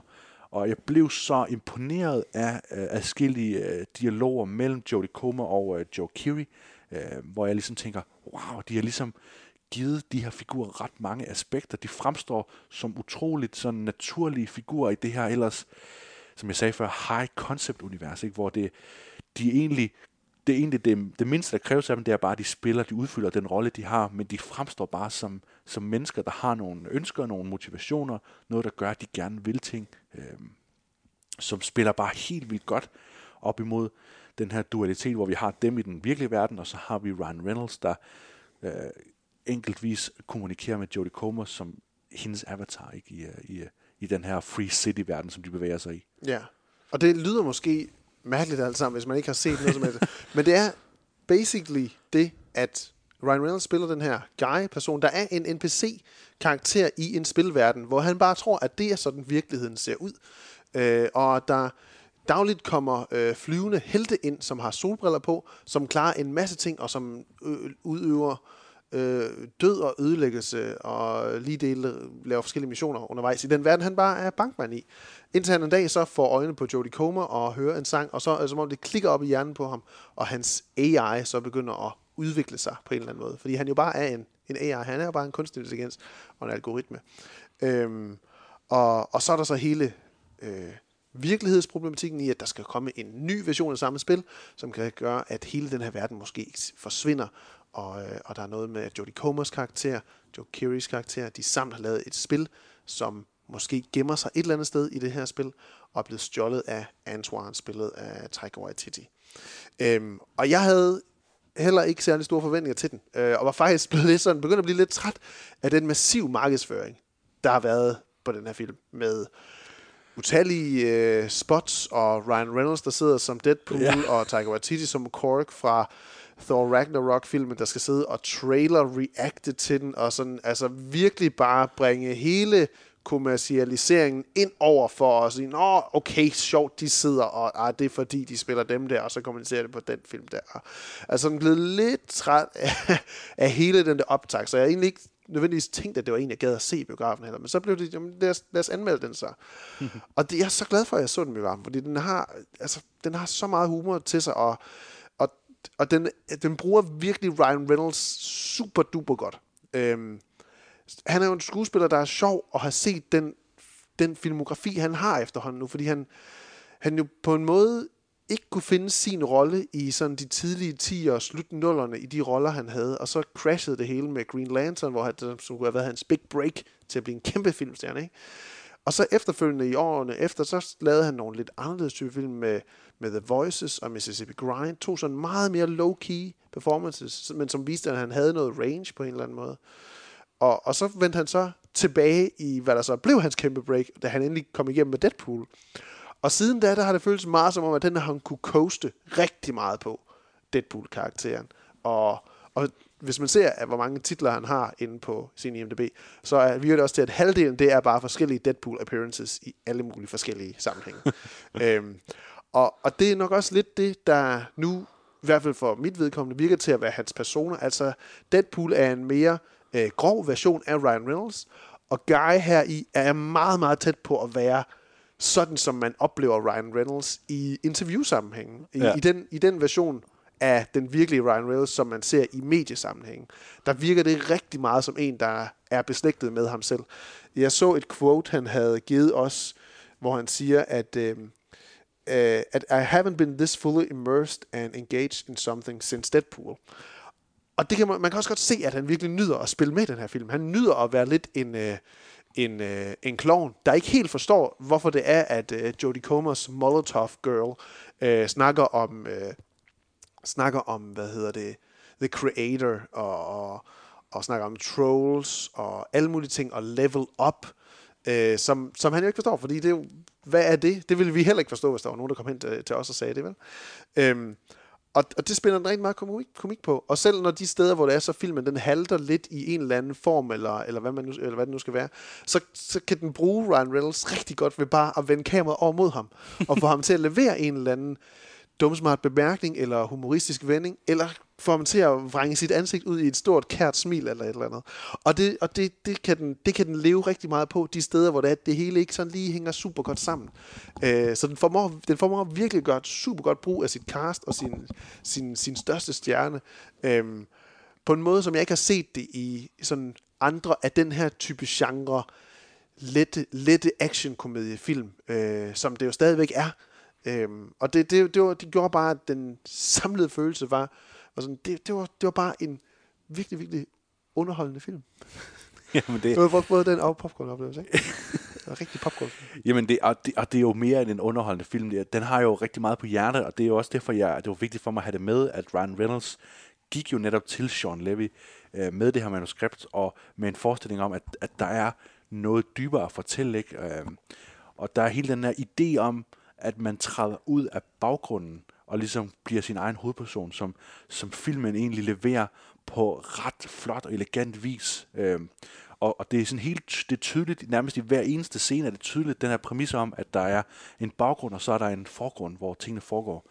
Og, og det interessante er jo, at vi, vi følger jo netop øh, Guy som den her NPC i hans daglige liv, mens det, der sker i baggrunden, er alt det her action. Så mens han står og bestiller en kop kaffe, så kan vi se en kampvogn, der er i gang med at indstille sit, øh, sit, sit våben og er i gang med at skyde, ikke? og vi kan se folk, der er klædt i de vildeste skins, som det så hedder, ikke? Øh, der ser helt åndssvagt ud og ligner ret meget det, som Antoine også er øh, klædt i i virkeligheden. Ja. Øhm, og de bevæger sig rundt i baggrunden, hvor at det, vi har ligesom den kedelige blue shirt guy, ikke? han er klædt i den her blå skjorte, øhm, som vi senere får at vide, er også en, en gammelmands trøje. Var det det, han står i underteksterne på et tidspunkt? Øh, Det kan godt være, ja. gode undertekster i øvrigt også. Gode Øh, undertekster. Det er jo ja. sjovt, hvordan det er, at når han begynder at level op, så ser man også i en anden trøje, Ja. og så ser det ud som om, at han faktisk har markant større muskler, ja. pludselig, Ja. Ryan Reynolds. Ja, Ikke? Og ja. han er jo en, en godt trænet fyr med den her øh, kortærmede blå skjorte, han har på i starten, får ham til at ligne meget mere en average Joe. Og så får han lige en, øh, en kropstæt øh, trøje på senere hen, og så er han, okay, man kan godt se, nu er han bare øh, superhero blue shirt guy. Ja, og det passer perfekt. Ja. Øh, det, det er et rigtig, i virkeligheden et rigtig godt øh, kostume til... Øh, sammen med, at man kan klæde sig ud Ja, som alle de her ja. Suicide Squad-figurer, så kan Ja, man så ja. klæde sig ud som Blue Shirt Guy til Og det tænkte jeg flere gange undervejs, det er bare en let forklædning for en som jeg, der ikke er god til det der med at lave udklædninger. Ja. Der kan jeg bare være guy. Ja, og du kunne lave det godt, ikke? Du har, Og jeg, øh, og jeg, du har har, looket. og jeg har et slips, der er meget tæt på, hvad han også har der. Ja, perfekt. Det er, Jamen, mere det glæder det, er mere det, at skulle købe en lyseblå kortærmet skjort. Det ved jeg ikke, om jeg har det godt med. En så simpel ting En som så simpel ting. Ja. Jeg synes, jeg, jeg synes altså bare, jeg øh, med den her film, der var også flere gange, hvor jeg satte mig frem og lavede den der, hvor man lige sætter sig frem. Og, og ikke fordi jeg var træt, ligesom med Green Knight, men fordi jeg, jeg ligesom, som du, så du sad med Green Knight, sidder og virkelig absorberer det og bare tænker, wow, they're doing it, man. They're really doing it. Ja. Øhm, og det handler også rigtig meget om, at jeg synes bare, at de beslutninger, der er truffet undervejs med, hvordan tingene skal udvikle sig, øhm, det er ligesom at se jo øh, en mand, der ligesom danser, eller der går på line mellem øh, tvillingetårn, ikke? Fordi der Ja. er så meget i den her film, der kunne gå galt, og blive for meget, og blive ja. overdrevet, og blive Michael Bay, og blive pixels og alt muligt andet, ikke? Mm. Men det bliver bare på mirakuløs vis balanceret, øh, lige indtil det punkt, hvor at, øh, at Disney sætter sit store fede stempel på filmen, uden at jeg skal afsløre, hvordan de gør det. Ja. Øhm, men, men den måde, som vi for eksempel får forklaret, at det her er en, øh, en, en NPC, der ligesom har sit spor og følger det spor, og pludselig bliver aktiveret, mm. og ligesom får lov til at udvikle sig som øh, et, øh, et, den første kunstige intelligens, det første kunstige liv, ikke? Den gør det på en meget naturlig måde, så man ikke sidder og føler sig tabt. Man føler sig nemlig ikke tabt. De fleste andre film vil bare sige, Nå, men så lige pludselig, så, øh, så, så var det bare Ghost in the Machine, eller så lige pludselig, så fik han bare sit eget liv, eller også så ville ja. de fleste andre film bare sige, men han har sit eget liv, og sådan er det bare. Men vi får det faktisk forklaret på en ret tilfredsstillende måde, at det er sådan, det er, og det er sådan, her programmeret, og derfor giver det mening, og, og vi får ligesom fornemmelse af, jamen sådan kunne man godt forestille sig, at kunstig intelligens virkede.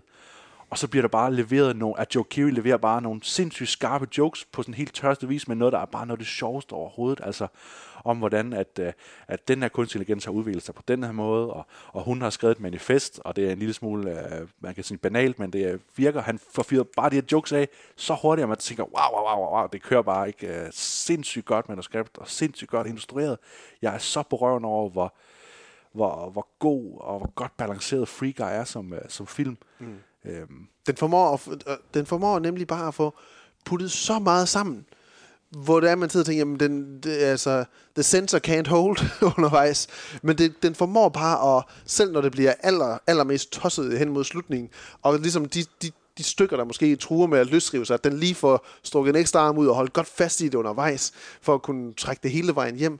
Øhm, og ja, som du siger, at Disney får lige sat et, et stempel ind, men det sjove, lidt det jo faktisk til fælles med den sidste film, vi skal anmelde om lidt, at øh, det er begge to film, der blev produceret under 20th Century Fox, og så Ja. som overgik til øh, Disney øh, studiet i den her merger, da det var, Disney overtog 20th Century Fox. Og det var den første film, øh, der var under produktion, da den her merger skete. Ja. Så de, øh, de var jo ligesom lidt usikre på, jamen, hvordan, hvad kommer det til at betyde for os, og så videre. Men så gik det jo op for dem pludselig, at mm, der er utrolig mange våben, eller karakterer, eller alle mulige ting, som det er, at Disneys studio IP ad libitum har rådighed over. Det kunne være, at vi kunne bruge noget af det, og ligesom hæve vores øh, finaleakt på en eller anden måde. Og der skrev de bare, de skrev simpelthen bare og hørte, må vi have lov til at bruge nogle af de ting, og Disney svarede tilbage med, I må bruge lige præcis det, I har lyst til. Øhm, så det er jo filmskaberne selv, der har valgt at sige, at vi tager det her med ind og bruger her. Øhm, det var noget, jeg sad og tænkte over, når man ser det undervejs, og det er noget, der kommer i den store slut, slutkamp, som, som Guy skal kæmpe mod, øh, mod en, en alternativ version af sig selv, kan man sige. Ja, øhm, en halvfærdig dude. En halvfærdig dude, og, om noget, ja. Øhm, hvor jeg sad og tænkte sådan, det er fedt, det jeg ser lige nu. Men samtidig var der også en følelse af, det er også lidt mærkeligt. det er også lidt mærkeligt, øhm, fordi, og det, det kan jeg se, det er sådan, det lader lidt til at være noget af den primære kritik, synes jeg også, jeg har kunnet læse om Free Guy. Dem, der ikke bare er her sådan helt, ja, det spiller sgu bare sindssygt godt, det her. At, øh, at der, er et eller andet, der er et eller andet, der ikke er så godt ved, at vi, vi er blevet så tilvendet af et kæmpe studie, sådan en monolit-studie, til at, ja, der ja. har så stor indflydelse på, hvad vi oplever og tager ind som en del af zeitgeist og popkultur, at, at vi sidder og jubler over noget, når det er, at de faktisk bare har overtaget noget andet, ja. og ligesom du siger, påstempler ja. noget mere af sit ind i den IP, eller ind i, den, uh, ind, i den, ind i det stykke film, eller hvad end det skal være. Uh, som jo virkelig bare er, og jeg spurgte dig bagefter, hvad det hedder, jamen det er cross, uh, cross, cross-brand synergy, cross -brand synergy ikke også? Ja. At, uh, at ja, der er noget brand uh, genkendelse her, men er det, er, det en, er det en dårlig ting, Jens? er det skidt? Fordi jeg sad jo også bare, jeg sidder bare og lapper det i mig, og så bagefter så tænker jeg så, men åh, det, det er vel egentlig ikke så nødvendigvis på et længere sigt, ikke nødvendigvis super godt det her. Det, det, jamen, det er jo skidt, det, det er skidt ikke i, i den forstand, at vi, øh, at vi befinder os, ligesom vi er, øh, vi er immersed, ikke? vi er engageret med, øh, med filmen, vi er i dens univers, og så lige pludselig bliver vi hensat til et andet univers. Øh, Ja. ikke? Og det er det, der er skidt ikke ved det. Øh. Ja. Fordi det kan jo godt fungere i en parodi, vil det jo fungere fint, ikke? Hvis, hvis det var i tråd med, at den her film ligesom hele tiden skulle referere til en masse andre ting, og ligesom tage, tage pis på det og sådan noget, så var det måske fint nok i tråd med det. Men Free Guy fungerer rigtig fint som isoleret værk, hvor at, øh, at man kan sige, kendskab til Fortnite og kendskab til Grand Theft Auto havde, hjælper selvfølgelig lidt, ikke? Men, men det bliver aldrig øh, sådan påduttet direkte. Det bliver bare sådan et, en, en fin ramme, som man forstår, øh, hvor vi er henne, og man forstår ligesom, at det er et, en verden, hvor der er det her gamer-univers. Ikke? Ja. Øh, Men, men det her med, at, at vi får de her andre IP'er ind i det, det er... Altså, det stemmer fint overens med, fordi det er jo noget, Fortnite gør rigtig meget, ikke? Ja, At, ja. øh, at man, skal, man skal kunne spille som Thanos og alt muligt, ikke? Men, Ja, og der er også et skin fra Free Guy, som er blevet gjort tilgængelig i Fortnite. Ja, det er perfekt. Perfekt. Så er der øh, full circle, ikke? Full circle, ja. ja. Ja, så øh, jeg synes jo bare, at Free Guy er, øh, er virkelig en af de, de stærkeste film, jeg længere har set, og, og måske en af de sjoveste film, jeg længere har set. Jeg kan ikke huske, Ja. hvornår jeg har grint så meget. Nej. Øh, øh, jeg tænker tit, når jeg tænker på, jamen, hvornår har jeg grint allermest i biograf, jamen, det kan jeg huske, da jeg så, hvad hedder det, Bruce Almighty. Øh, den her scene, hvor Steve Carell, han ligesom bliver øh, Ja, styret. styret af, af Bruce til ligesom at, at fuck sit arbejde op. Der er en lignende scene i Free Guy, hvor Channing Tatum ligesom ja. også... Øh, og, og jeg kan huske... I en forlænget cameo. At min mor, min mor, hun sidder ved siden af og siger, tænk, at de har fået ham til det. Ja, præcis. fordi de har virkelig fået Channing Tatum til bare ja. at gøre alt muligt sindssygt. Og det er fantastisk, hvor game han er der. Ja. Men det taler jo meget ind i, at han er, han er jo åbenbart lidt den samme type som Ryan Reynolds. At hvis det er, at det stemmer overens med den historie, der skal fortælles, Ja. og hvis det er sammen med venner, som det tydeligvis er, Ja. så er de bare game og up for anything. Ja. Øhm, ikke? Og det er en, en fantastisk lang scene, vi får, hvor det er, at Channing Tatum, som den, den, det, han er jo et skin, han er en spiller, øh, og der er en anden, et menneske, der spiller den, det skin, den karakter i spillet Free City, der laver alle mulige tosser ting, og, og siger mærkelige ting, og, øh, og det, det må have været meget svært at filme den scene, tror jeg. det være meget svært at filme den scene og holde masken undervejs. Øh, men igen, så, øh, så kan man lige få Ryan Reynolds igen til at sige et eller andet sjovt undervejs, der, øh, der understøtter det hele og får det til at gå op i en højere enhed. Øh, og den har jo mange cameos, som man kan sidde og prøve at spotte undervejs. Ja, det er rigtigt. Øh, som, som er sjov. Øh, Hvis det er, man går ind på Ryan Reynolds' øh, Instagram, så, øh, så har han lavet lidt en, en hvad, hvad hedder de, en kavalkade? Nej, det hedder det ikke. Hedder det en, en, når det er, det er flere billeder i sammen? Jeg er meget gammel. En, det er det, der sgu ikke engang, hvad det hedder, nej. Nej. Det er der, hvor, det er, at man swipe, ja, det er der, hvor man kan swipe på Instagram, og så er der et billede til. Så kan man swipe igen, så er der et billede til. Sådan, men det er én post. Det er en post, Man har lagt et til 10 billede op, billeder. man har lagt et billede op, men der kan være op til 10. Man skal bare swipe, og så er der et til, men det er én post. Der er i hvert fald lagt flere sådan nogle billeder op med skuespillere, der har cameos mindre og større i filmen. Øh, og, og det synes jeg, det havde jeg set inden jeg gik ind og så, det synes jeg faktisk var sjovt så at prøve at se, nå ja, okay, præcis, det er den karakter, der var der, og, og sådan noget. Men det er jo i, i og for sig også lidt dårligt og lidt unødvendigt. Ikke? Øh, Når, man, når man hører, at det er Hugh Jackman, der snakker, så, så sidder jeg længere og tænker, hvor, hvad, hvad fanden, jeg kender den stemme der, det må figurere ind senere i filmen, Ja, ja, ja. og det gør det ikke, fordi det er bare, man kan bare høre, at det er ham, der snakker, og så er det ja. det ikke. øh. For mit vedkommende synes jeg i hvert fald, hvis jeg ikke havde vidst det på forhånd, at de her skuespillere, de ville fremtræde i større eller mindre grad, så ville jeg være blevet forstyrret af at høre Hugh Jackmans stemme eksempelvis, som man gør ret tidligt i filmen, og sidde længere og tænke over, hvis jeg, ikke havde, hvis nu jeg nu ikke havde fanget det til at starte med, så ville det være sådan noget, hvor jeg ville sidde og tage min opmærksomhed fra filmen for at sige, hvad fanden var det for en stemme, det der? Ja, og ligesom præcis. det troede i starten af The Green Knight, der troede det også, der var en, en lydnode i, uh, i soundtracket, som gjorde, at jeg kom til at tænke på et andet stykke musik, som jeg simpelthen havde svært ved at placere, hvor det var, jeg kendte det fra. Og jeg brugte de første 10 minutter af Green Knight på lige at sidde og tænke, hvor er det, jeg kan huske det stykke musik fra, indtil jeg fandt det, og så kunne jeg slappe af og nyde filmen igen. Øhm, så det, det er værd lige at gå ind og, og se, vil jeg sige. Øhm, Lige hurtigt øh, omkring, øh, der er jo lidt øh, romance undervejs i filmen også, som der skabes mellem Guy og Jodie Comers karakter Molotov Girl, eller Millie, som hun hedder i virkeligheden. Øhm, det synes jeg faktisk også fungerer rigtig godt. Jeg synes, de har super god kemi, øh, Comer og Reynolds. Men den, den vil ligesom mod slutningen have os til at, at, at leve over i en anden romance også. Og det, det, bliver, det bliver alt for forjavet. Øh, det, Synes bliver, det? Ja. det synes jeg. Jeg synes, det bliver meget unaturligt, at vi skal investeres i det. Øh, det synes jeg overhovedet ikke, filmen havde behøvet at gøre. Ja. Øhm, hvor den, den løser det ret fint i, øh, i spilverdenen, men, men det havde ikke været nødvendigt, fordi det bliver en meget sådan, det får vi lige hurtigt med, shup, og så kan vi slutte filmen her efter.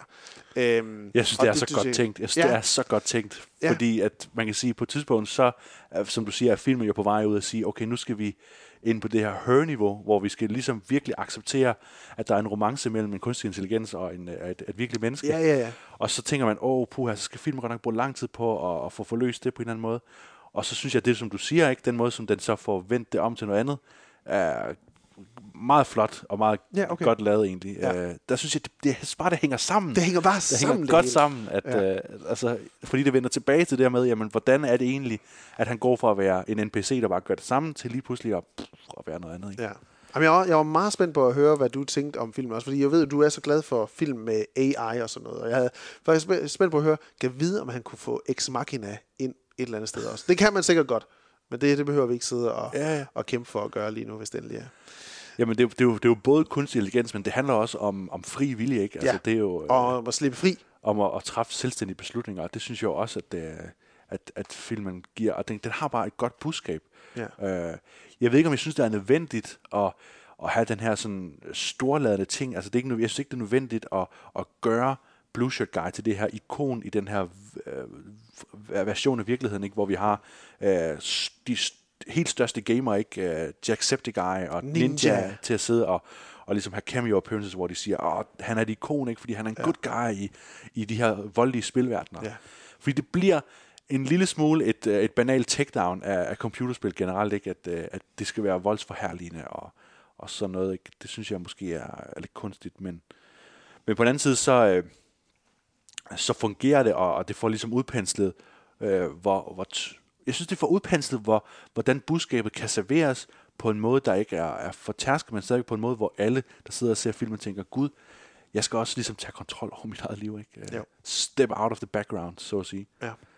På, på en anden måde, end det her med bare at klæde sig mærkeligt, og øh, det synes jeg også, der, der er en fed pointe at sige, men det handler jo ikke om, at, at du skal, øh, at det handler jo ikke om, at det skal være overfladisk, øh, ekscentrisk. Det handler om, at, at det handler om de beslutninger, du træffer. Jeg synes, filosofien i filmen er så ren, Ja. og det stemmer meget i overens i nogle af de her dårlige film, man også har lavet af uh, Ryan Reynolds. Uh, en film, der hedder The Nine, som også er sådan en helt besynderlig Ja. uh, film uh, om telepatiske koalabjørner og alt sådan noget sindssygt. Uh, meget sådan meget indie sindssygt film, men, men et helt tydeligt eksempel på, at Ryan Reynolds, han har været fascineret af de her elementer rigtig lang tid. Ja.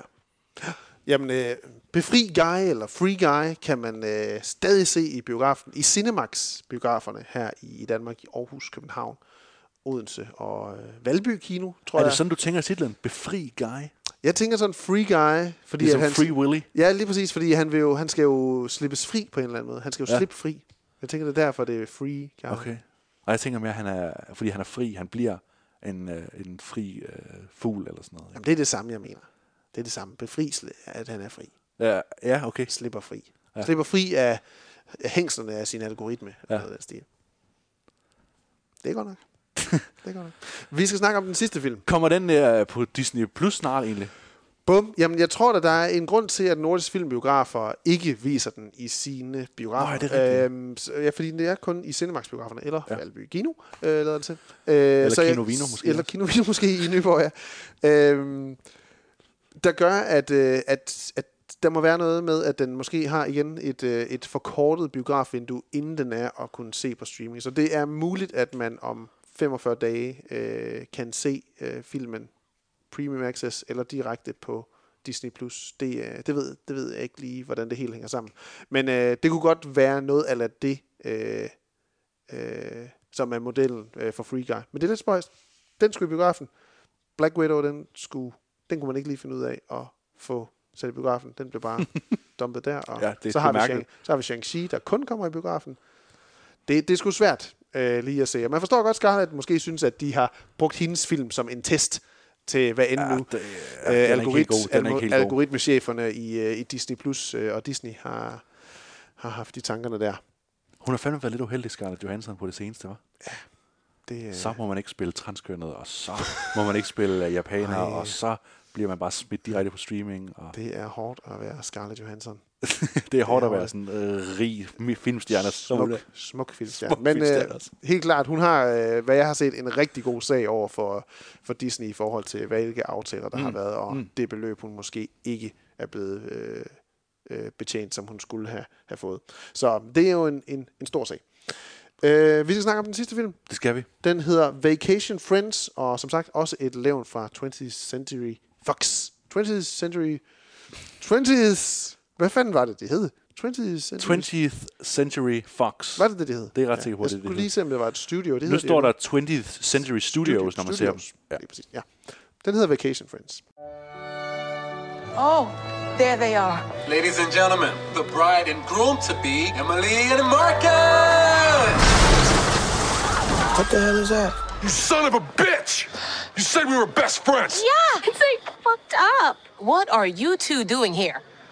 oh my god! Excuse me. This is a private event. Oh, it's cool. We know the bride and groom. We met these two animals down in Mexico. Why does the salt not taste salty? Oh, because it's cocaine. What? We actually brought it from home. Very, very easy if you ever want to try it. It's just a Ziploc and a full shampoo bottle. And it's so much more comfortable than when I had it in my ass.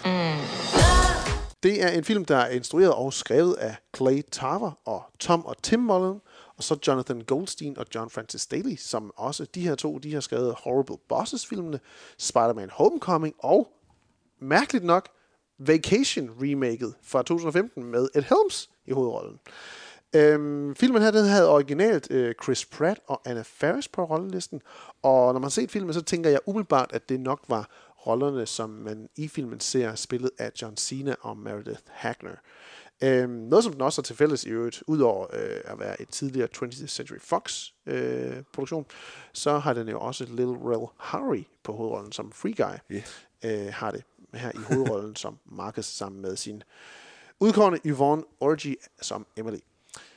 Mange mennesker, der har rejst på ferie i udlandet, har nok oplevet det, at man møder nye mennesker, der byder på, der byder på nye oplevelser, indtryk og måske ligefrem nye venskaber. For nogen var de venskaber ved, men for andre var det bare det, det var. Et tilfældigt no strings attached ferievenskab. Men hvad så, hvis det nu ikke var tilfældet, og dine ferievenner var totalt gakkede? Overdrevet positive livsnyder, der tager det som en spændende oplevelse, at du smadrer deres yberlækre katamaranbåd, og som uanmeldt dukker op til dit bryllup. Hvad nu hvis? What if? Det er øh, præmissen i Vacation Friends, hvor Little Rel Harry og Yvonne Orgy spiller et forelsket par, far på, par, spiller et forelsket far på ferie, par på ferie, som møder et bindegalt, men også sødt par, spillet af John Cena, sidst set i The Suicide Squad, og Meredith Hagner på deres ferie i Mexico. Comedy ensues. Og Jens, du har lige været på Mallorca. Var det noget tilsvarende, du har oplevet der? Er der nogle venner, jeg ikke har hørt om, du har fået med hjem derfra? Og nogle spændende kokain tilsatte drinks? Altså, øhm, Eller er det, var det bare mor og far Bodil og John, der har vist nye sider af sig selv? Jeg vil sige, lige, lige præcis på den her, på den her ferie, der, øh, der var ikke ret meget øh, øh, gak og løjer, og slet ikke øh, noget stofmisbrug. Desværre, kan man sige, eller øh, heldigvis nok. Øhm, altså, jeg kender, godt, jeg kender godt ideen, jeg kender godt følelsen af, at man er på ferie, og man lige pludselig øh, ligesom nærmer sig nogle øh, andre mennesker, og man tænker, åh, kæft, det er lige nogle spændende mennesker, det her. Det, øh, og, og det, det er altid, man har følelsen af, de her, det er nogle mennesker, den kunne man godt have et forhold til, når man kommer tilbage til, til, til sin virkelige dagligdag. Og så når man kommer tilbage, så er det bare sådan, det ved jeg ikke, hvorfor vi skulle det. øh, der var også de her, skulle vi snakke med? Nej, hvorfor skulle vi snakke med dem? Øh, jeg har rigelige venner derhjemme. ja. Så der, der er et eller andet med ferie, ikke? med ideen om at tage på ferie, hvor, hvor man får en følelse af, at måske kunne jeg være typen, der med hat. Det tænker man tit ikke, når man er på ferie. Måske kunne jeg være... Hawaii-skjorter. Ja, Hawaii-skjorter. Sådan nogle ting, ikke? Det er sådan nogle beslutninger, man lige pludselig ser sig selv i uh, på ferie.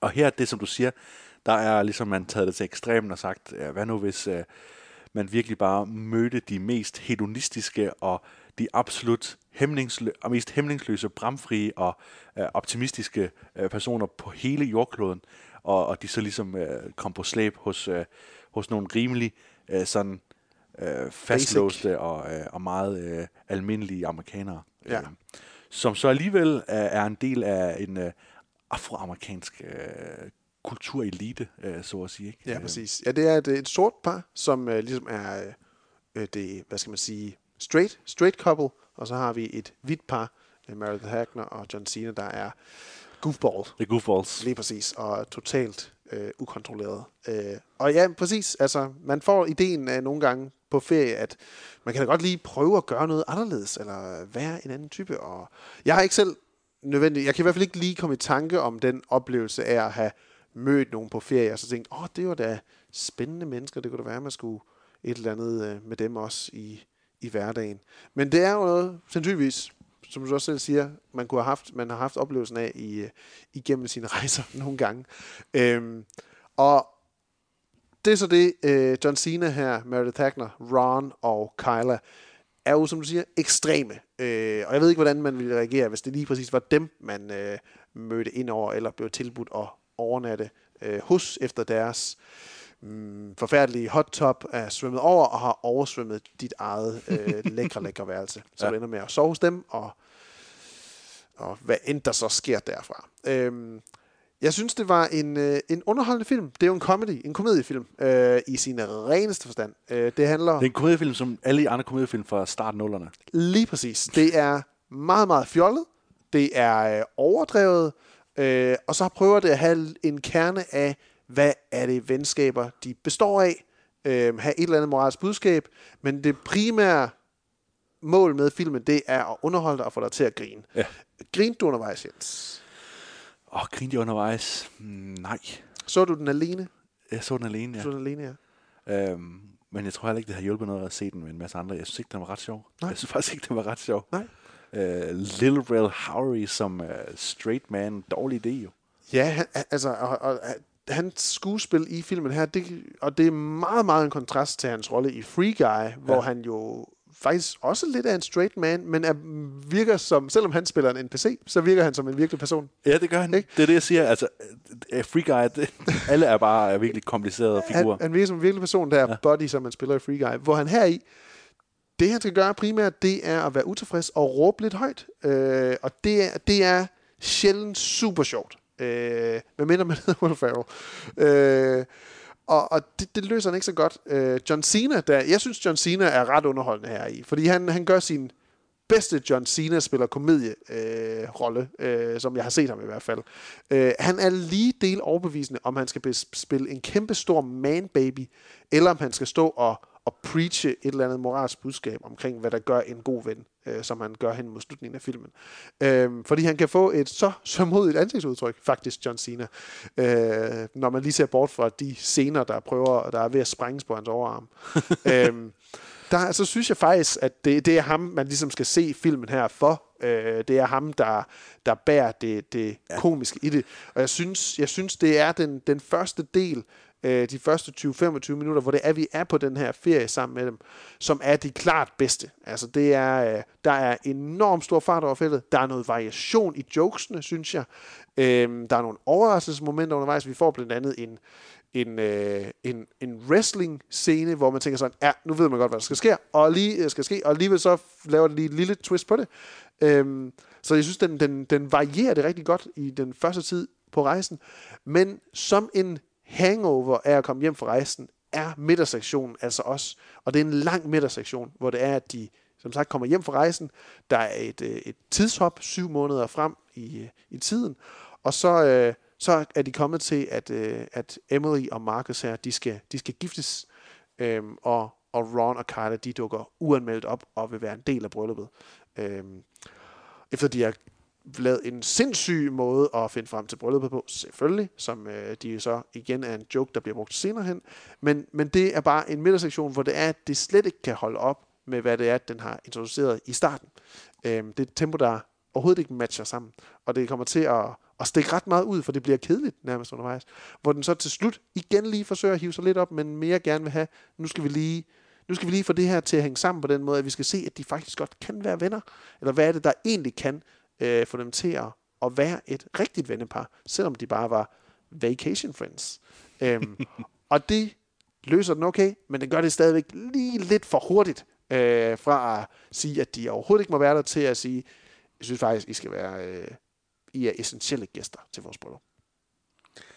Ja, det, det, virker, jamen, det virker som en film, der er blevet skrevet og klippet i smadre, altså bare sammensat alle mulige forskellige ting, ikke? Øhm, hvis man ser den her film uden at vide noget om det, hvilket man nok kommer til, ikke? hvis man lige går ind på Disney Plus og siger, okay, hey, John Cena, han ser ud som, han har det også sjovt. Lad os se den. Ja, og det er ikke en film, der bliver promoveret særlig meget, det her. At jeg, jeg har nærmest ikke set noget for den. Nej. Nej, nej, det er nok bare en, en, endnu en film, som, uh, som Disney bare lige skal have den bliver skal ud, ud i, uh, i, i Avid og Ederen. Det er ikke, Præcis. Uh, også fordi, altså, men man kan sige så meget, at uh, Vacation Friends er i hvert fald et bevis for, at på platformen Disney Plus, uh, er der andet end bare uh, det familievenlige. Ikke? Det er der selvfølgelig med alt det stars der, men der bliver også lavet en, en masse nye originale ting, som tilhører det mere uh, R-rated, raunchy uh, miljø. Ikke? Og der kan man sige, jamen så er vi trods alt ud over den der frygt der med, at det hele, hele vil være alt det, der vil være på platformen, det vil være sådan rimelig strømlignet, ja. uh, Mickey Mouse-agtigt. Ja, skåret ind. Men jeg synes, øh, jeg synes jo egentlig mod slutningen, at, at filmen viser et eller andet, som der kunne have været meget mere af. Altså, øh, jeg havde måske mere foretrukket. Jeg tror, jeg er lidt uenig med dig i virkeligheden. Nå. Jeg tror, det her med øh, den her feriedel, ikke? at øh, jeg er enig med dig i at sige, at der, der er nogle, nogle flotte optrin, og det virker som om, at, at der har været en film, der ligesom handlede om den her ferie, øh, om hvor, hvor vildt det kan blive, og om hvordan man lige pludselig crasher en katamaran, og lige pludselig finder sig selv øh, hejset op, ikke? Og, og skyder æbler af hovederne af hinanden. Ikke? Øh, der er nogle fede, fede, fede sekvenser der, hvor man, hvor man klipper hurtigt fra en situation til den anden, og så lige pludselig så har øh, så, han, så bløder han for, for, for hovedet, ikke? Og alt muligt. Det, det er ret sjovt. Ja, det, det, det synes jeg var, var ret sjovt, ja. på sådan en underspillet måde. Men den der del, hvor vi lige pludselig skal introduceres for, øh, for hvad hedder det, for hovedpersonernes øh, familier, familier ikke? Ja. Til, til, det her, til det her bryllupsarrangement. Ikke? Ja. Det er en helt separat film i sig selv. Ikke? Der jo, har vi præcis. sådan det her uh, Meet the Parents element, ikke? hvor der er sådan et akavet optrin, og, og der er selvfølgelig også de helt sædvanlige scener med, ej hvor ville det være akavet, hvis du tog psykedeliske stoffer på det her tidspunkt, når du lige skal være sammen med din svigerfar. Ej hvor ville det være mærkeligt, hvordan fikser du det? Super sædvanlig scene, også det her scene, åh oh, nej, nu skal hun til at afsløre et eller andet om ham, og så er han nødt til at foregribe det og give vide, om det er, han misforstår det, hun siger. Selvfølgelig misforstår han det, og altså, det er så forudsigeligt og så meget noget, man har set i forvejen. Men jeg synes egentlig, at hele sådan den her, det her fundament med, at han har nogen, han arbejder med, og han har hans øh, svigerfar, der er en lille smule hævet over de andre.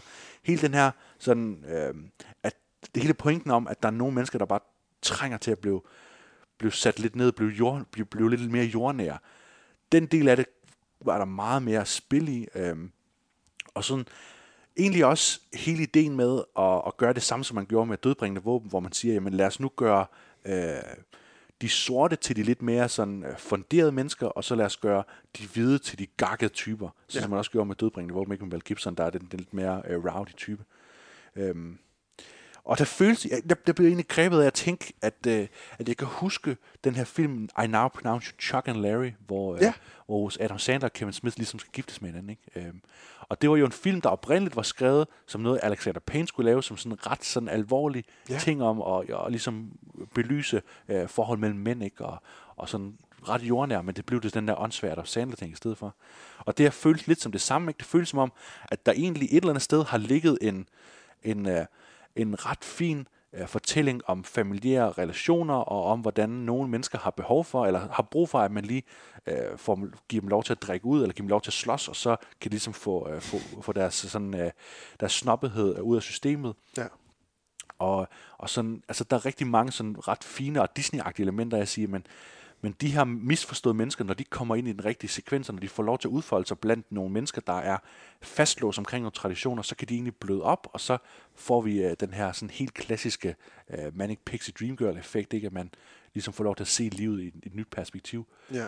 Øhm, det bliver meget traditionelt og meget genkendeligt, men, men der er en anden nerve i den sidste del af filmen, som, som jeg tror havde været mere effektiv i forhold til det Little Rel Howery også gør, for for eksempel uh, Britney Runs a Marathon, hvor han også spiller en ret Ja. seriøs rolle. Ja. Øhm, så det er egentlig det, jeg er allermest imod filmen, det er, at den, den bare ikke rigtig ved, hvad den vil være, og den mest af alt minder om en, øh, en sådan en, øh, en ligegyldig version af sådan noget anger management, eller en hvilken som helst anden film, hvor vi har en, en straight guy, og så øh, en eller anden lidt irriterende type, som øh, går personen på nerverne, og det er typisk Ben Stiller eller Adam Sandler, der spiller øh, Ja. ja. en straight guy. Ja, jamen, jeg er meget enig i, at den føles som om, at den, ikke, at den kan ikke finde ud af, hvad det er, den øh, reelt set skal være. Øh, men jeg synes, jeg synes bare stadig, at den, den slutdel, det kommer lidt for hurtigt af, at, ja. At, øh, at øh, break-uppet med vennerne, som også er ungåelige, at det endelige opgør på en eller anden måde med deres øh, vanvittige øh, opførsel, eller er den egentlig så vanvittig, fordi det lader jo til, at folk omkring dem lever op, når det er, at de er sammen med de her tossede, tossede personer, øh, og så til, at de igen ligesom skal forsones. Den, den, det går bare så hurtigt, altså det bliver lidt for let øh, på en eller anden måde. Omvendt så er det jo ikke en film, der nødvendigvis vil have, at man skal bruge alt for lang tid til at overveje, hvordan det ene og det andet det hænger sammen. Øhm, men, men ja, den har lidt et budskab sådan, add some spice to your life. Øh, gør noget uventet, eller gør noget skørt en gang imellem, for at, at, at mærke livets tænding på en eller anden façon. Øhm, men jeg var som udgangspunkt ganske godt underholdt. Den var en helt okay øh, basic komediefilm, øhm, uden, uden, at, uden hverken at højne sig eller sænke sig under, hvad man kan sige at være ja, præcis øh, andre øh, film fra, fra nullerne eksempelvis, og som så bare kommer her i 2021. Så det er et, øh, et, øh, et, et en, hvad skal man sige, en, øh, noget, der er noget genkendeligt i det, øh, bare her lidt, lidt senere i tiden. Jeg synes ordentligt overordnet set, det spilder tid at se den her film. Øh, for, altså, man kan sige nok, øh, nok minder den om andre film, men den har bare ikke noget cast, den her film. Den har ikke noget cast. Den har John Cena, og det er det. Øh, alle andre film af samme kaliber har en masse sådan relativt gode øh, performances, øh, små performances for andre. Selv sådan noget som øh, Holmes og Watson for eksempel, ikke? den her rædderlige komediefilm med mm-hmm. John C. Reilly og Will Ferrell, har jo en masse små øh, elementer, en masse små performances fra andre spillere, som gør den værd at se. Men her, altså, ikke engang øh, de her main players, altså Meredith Hagner, hun forsvinder fuldstændig i den her film. Og det samme gør, øh, hvad hedder hun, øh, Yvonne Or- Orji også. Altså, Ja. de, de to, øh, det burde jo være sådan, at vi har øh, interaktionen mellem Little Red Howery og John Cena som et element, og så interaktionen med de to som et Ja, andet element. Men det bliver skrottet. Men, men alt det med kvinderne imellem, fuldstændig ligegyldigt, og, ja. og, og det er bare så tørt og så bland, som det overhovedet kan være. Altså, de to skuespillere er ikke op for it på nogen som helst måde. Det er meget muligt, at man simpelthen har lagt for meget vægt på John Cena. Altså, det er meget muligt, at man simpelthen har set, det du gør der, det, det er simpelthen der, vi skal lægge vægten på. Og det, kan være, 100%. det er jo så muligvis det, der skader filmen, øh, når den så står som et, øh, et færdigt værk. Øhm, det er i hvert fald en meget valid pointe at, ja. At komme med, vil jeg. Men det er rigtigt, altså han er så god, John Cena, at, at Meredith Hagner bare overhovedet ikke kan leve op, kan, kan bare Ja. ikke spille op mod det der Nej, på nogen måde. Nej, lige præcis. Og der havde det trods alt, der tror jeg det bare, det havde fungeret meget bedre, hvis det var Chris Pratt og, øh, og hans daværende kone, ikke? Øh, Ja, Anna Faris, ja. Anna Faris. Ja, fordi man kunne nemlig godt se, at Chris Pratt, som en type rolle, han jo har perfektioneret på mange måder, ja. øh, kunne, spille, øh, kunne spille Ron i den her film. Ikke? Mm-hmm. Og Mhm. det samme med Anna Faris. Der er nogle helt tydelige karakteristika ved karakterer, de har spillet tidligere, som ville passe ind lige præcis i de to, øh, to karakterer der øh, Ja. i Vacation Friends. her. Ja, Anna Faris, hun er bare så god til at spille en person, der bare overhovedet ikke er bevidst om, hvad der er rigtigt og Ja, forkert. Ikke? Virkelighedsfjern. Ja, Ja. ja. totalt. Ja. Jamen, jeg har ikke så meget mere Nej, nej, nej, Vacation der er, der er heller ikke mere til den her. Nej. Der er absolut ikke mere at sige om. Skulle du alligevel være blevet interesseret, så, øh, så kan den altså ses fra på fredag den 27. på Disney+, Plus, øh, sandsynligvis under deres Star-sektion. Lad os give nogle øh, tentakler til øh, de fire titler, Jens. Yes. Startende, startende med, øh, med What If, Marvel-serien. Hvad skal den have? Den skal have en, øh, en 4 ud af 8. Altså, det er en, øh, en helt klar øh, middel, øh, middelting. Den gør ikke nogen fortræd. Den gør ikke noget ekstra ud fra de tre afsnit, vi har set, gør ikke noget ekstra til det, vi allerede ved om MCU, og er øh, desværre tydeligvis en lille smule forbundet af, at den vil bevare sit cast, bevare sine figurer øh, i, en, øh, i en tæt tråd, så den, den, som animationsprojekt, så er det ærgerligt, at den ikke øh, introducerer nogle flere figurer og bruger noget mere af, af Marvels univers, men i stedet for bare bliver en, en, en, en selvmasturberende hyldest, øh, hvis man skal sige det rigtig grimt, øh, og det skal man nogle gange. Øh, Ja. Så en middel, middelting til den. Ja, jamen, det er så, så godt sagt, øh, lige indtil det selvmasturberende der. Det er, også, jamen, det er rigtigt. Det er, rigtigt. Øh, det er øh, på mange måder lidt for let øh, af en serie, der har slået sig op med et meget stort ambitionsniveau og, øh, og præsenterer det, den så præsenterer i sine første tre episoder. Øhm, men jeg giver den også øh, 4-8, øhm, fordi ja, altså, det, er, det er hverken værre eller bedre end, end, end dårligt eller, eller godt. Det er bare lige midt imellem lige nu med de første tre her. Med et håb om, at selvfølgelig det bliver, bliver endnu mere spændende med de efterfølgende, efterfølgende episoder. Og lige sådan som de har gjort med de tre foregående serier, så vil det jo ikke gøre noget, hvis det er, at man får fornemmelsen af, at det, der sker i What If her, på en eller anden måde kan, kan det skal det selvfølgelig ikke, men nu er det jo sådan, at det er bare det, de andre serier har gjort, og hvis det er det, vi har, at det skal være en del af MCU på nogen måde, skal der så være en eller anden tilknytning andet end at sige sådan, jamen er det her noget, vi måske kommer til at se i en eller anden afart i nogle af filmene eller nogle fremtidige serier? Det er, det er der jo muligt, at der kommer til at ske i nogle af de projekter, som endnu ikke er, er klargjort øh, til, til visning. Men øh, 4-8 til What If. The Green Knight. Hvad får den, Jens? Den får lige øh, en ekstra oveni. øh, Den får øh, 5 ud af 8. Øh, Okay. Jeg synes ikke, Green Knight skal, skal hyldes som en forfriskende forløsning på et, øh, et, en ørkenvandring af, af det samme action øh, blockbuster fis overhovedet. Jeg synes ikke, at det, at det er det, den er. Øh, den er hverken det ene eller det andet. Den er naturligvis noget helt andet, og, og særligt ud fra, hvad man kunne forestille sig, at den kunne have været, så har David Lowry bevaret sin meget distinktive stil i et fantasy-univers. Og, øh, og jeg er ikke sikker på, at fantasy-elementerne klæder hans fortællestil, egentlig, hans poetiske måde at gøre det på. Øhm, så jeg synes egentlig, at han er bedre tjent med nogle mere originale præmisser i virkeligheden. Jeg tror, at øh, for ham så er det hele det her idé om at, at øh, fortolke et, et digt, øh, som, øh, eller en, en sang, eller hvad det er, en kvæde, som øh, historien om Gawain og øh, den grønne ridder er. Øh, så der vil jeg sige, at det er en 5 ud af 8 øh, for mig. Øh, den er værd at se, hvis man er til øh, de mere dvælende øh, og poetiske øh, ting, men, øh, men der, der er meget andet, man skal se, før man ser Green Knight, synes jeg. Ja. Jamen, The Green Knight, det er en hårdt kværnet, forfriskende, forfriskende øh, smoothie med, med grønkål og rosenkål og broccoli, og så lige en snært af ananas ja. ovenpå en Ja, ja, lang ørkenvandring af, af tomme kalorier. Ja, masser af popcorn. Uh, ja, det popcorn. Ja. ja, men jeg har faktisk begyndt at synes, at jeg ikke skal spise popcorn, fordi jeg har det altid dårligt. Har det øh, dårligt? Jeg sover dårligt, og jeg har ondt i maven næste morgen. Så jeg, for det, det, det, skal kun være on special occasions. Special occasions. Oh, very nice. popcorn, ja.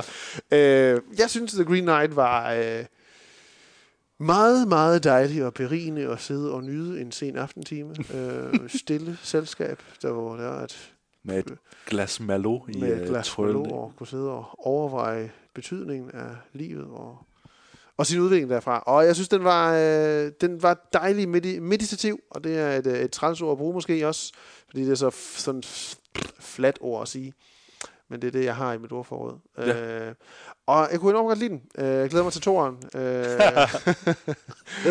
øh, jeg, giver, jeg giver The Green Knight 7 af 8. Øhm, og øh, og jeg, jeg glæder mig til at se, hvad det er, David Lowry han laver videre. Jeg håber, at Dev Patel han får flere af den her type roller, øh, som ikke er The Last Airbender, eller hvad det kan være, man har set ham i. Øh, jeg synes, han er en spændende leading man også. Øh, eneste sådan mindre... Øh, minuspunkt synes jeg også var, Alicia Vikander, det tror jeg ikke, jeg fik sagt, men du fik det sagt, Mhm. mm-hmm. øh, at hun, hun er lidt øh, en svær dobbeltrolle. Hun har en mærkelig håndbevægelse at lave her. Sådan en rystende hånd. Det er den, Den øh, usikre hånd. Ja, det er... En Bare- tvivlende italiener, der laver ja, der. Var for Napoli? Hvorfor, hvorfor gør du det der? Ja. Øhm, så øh, enormt flot, smuk at lytte til, spændende at tænke på bagefter. Øh, 7 og 8 til The Green Knight. Free Guy. Free Guy. Som øh, Disney allerede har sagt til Ryan Reynolds, vi kunne godt tænke os en tor. Det kunne jeg også godt. Men hvordan skulle det så være? Hvordan skulle det så? Hvordan udvikler det sig? Free Guy På et again. tidspunkt så er Ryan Reynolds nødt til at komme ud af Pikachu. På et tidspunkt er Guy nødt til at komme ud af spilverdenen, så jo. Ikke ja, okay. Sådan er Sådan. det jo nødt til at være. Ja. ja, det skulle så være at lave, så skulle man så lave straight up uh, her jo, uh, fra uh, Scarlett Johanssons perspektiv, så at sige. Ikke? Måske sådan en øh, Elon Musk-robot der. Ja, åh ja. Åh, kæft mand, det kommer lige om lidt. Waterworld. Free Guy, altså, jeg ville, så, jeg ville egentlig rigtig gerne sige, at det var et mesterværk, Free Guy. Fordi det kan jeg mærke i mit hjerte, at jeg synes, det er. Men åh, der er et eller andet ved Free Guy, der bare, øh, der, der sker lidt, og jeg kan simpelthen ikke forklare, hvorfor, øh, at den ligesom skal have 7 ud af 8. Øh, jeg tror, ja, men jeg tror, jeg tror bare, at det er min integritet som anmelder, der, der ligesom siger, at den er for, Der hakker dig lidt. den er, den er for, for poppet. Den er for poppet simpelthen. Du må ikke give en film som Free Guy et popcornsfilm 8 af 8. Det, 8 af må, 8. det, Det det, det det, det står i ikke. kodexet. Det kan man ikke. Så må man ikke. Så sidder folk selvfølgelig, derude, selvfølgelig må sidder folk man derude det. sige, at han synes Free Guy er et mesterværk. Ja, lige præcis. ord. kan ikke stole på. Han synes Green Knight er 5 ud af 8, og han synes Ja. Free Guy, han er Full i, circle. i Disneys punkt. Ikke? Altså, han, øh, han er blevet manipuleret nu. Han er blevet hjernevasket til Ja, lige at- præcis. Han giver 100% på Rotten Tomatoes. Ja. Så altså, det er... Jeg synes bare, Free Guy var en fantastisk oplevelse. Jeg glæder mig bare sindssygt meget til at se den igen. Jeg synes, øh, for mig at se, så er det jo bare... Det er jo ligesom den definerende... Øh, definerende tilstand at være i. Hvis man gerne synes, at en film er rigtig god, så er det fordi, man har lyst til at se den igen. Og det har jeg med Free Guy. Og det er ikke ligesom med Green Knight, hvor jeg har lyst til at se den igen, for lige at, og om jeg fanger det hele og, og, og sådan noget. Men det er for at genopleve Channing Tatum, der står og danser. Og det er for at, øh, at høre alle de her fede replikker, og for at lægge mærke til den måde, som han ligesom spiller skuespil. Øh, man tænker ligesom, jamen, hvor, altså, han er jo fantastisk, Ryan Reynolds, når han har maske på, og her der man bare sige, jamen, han er også fantastisk, når han bare spiller. Og han bare er på slapline, som han er. Ja. Alt spiller med Free Guy. Det er så svært at sætte en finger på det. Og det kan jeg ikke, men alligevel så er der et eller andet, der skuer. Ja. Øh, 7 ud af 8. Jamen, jeg havde godt nok de samme tanker, da jeg kom ud fra filmen sådan, det er lige før, jeg vil sige, det, det er en 8 af 8 film, fordi jeg var så, så vanvittig, øh, vanvittig godt underholdt i filmen. Jeg synes, den var så spændende at se, øh, og, og, og befriende at sidde og se. Og så, og så kom den, den lille tanke, men der er altså også, der, som jeg siger, jeg er ikke så glad for, for hvorfor den ligesom skal bruge noget tid på en romance, som den ikke har brugt nok tid på undervejs mm. til at skulle være en del af punktummet, hvis man kan sige det på den måde. Og så er der det her det her øh, brand øh, brand synergi, Nå. der kommer ind og, og ligesom jeg sagde det i anmeldelsen, at jeg sad og tænkte sådan fedt, og samtidig med så kom der sådan af, men der er også noget forkert i det her. øhm, og det, det hæfter sig nok fast hos mig øh, alligevel. Men, men jeg er meget, meget enig. Jeg er imponeret over, at Ryan Reynolds han, øh, han lader til at have fundet endnu en film og en karakter, som bare passer ham, som kun den kunne passe til Ryan Reynolds. Det må jo være en, en gave, som han også siger det, at det, det, det, han har ikke følt noget øh, som den her siden Deadpool-karakteren, som bare har passet til ham, og det kan man se, og det kan man mærke i filmen, og det skinner igennem i, igennem absolut hele filmen undervejs. Øh, så jeg giver den også 7 og 8. Øh, det er... Øhm, og så er det så mere, kan man tillade sig at sætte Free Guy i sin top 10 over, over årets film, Jens? Uha. Ja, den, man jo. den, den kommer til at ramme top 10, det kan jeg godt love Jamen, dig, at det gør den. Det gør den jo nok, og det gør Ja. den jo i hvert fald også for mig nu. Ja. Men så skal der nok komme en film om, øh, om nogle piger, der skal rejse ind mod, mod byen for at få foretaget en abort. øh, som, som tager den Den plads. tager pladsen, ja. Som tager pladsen.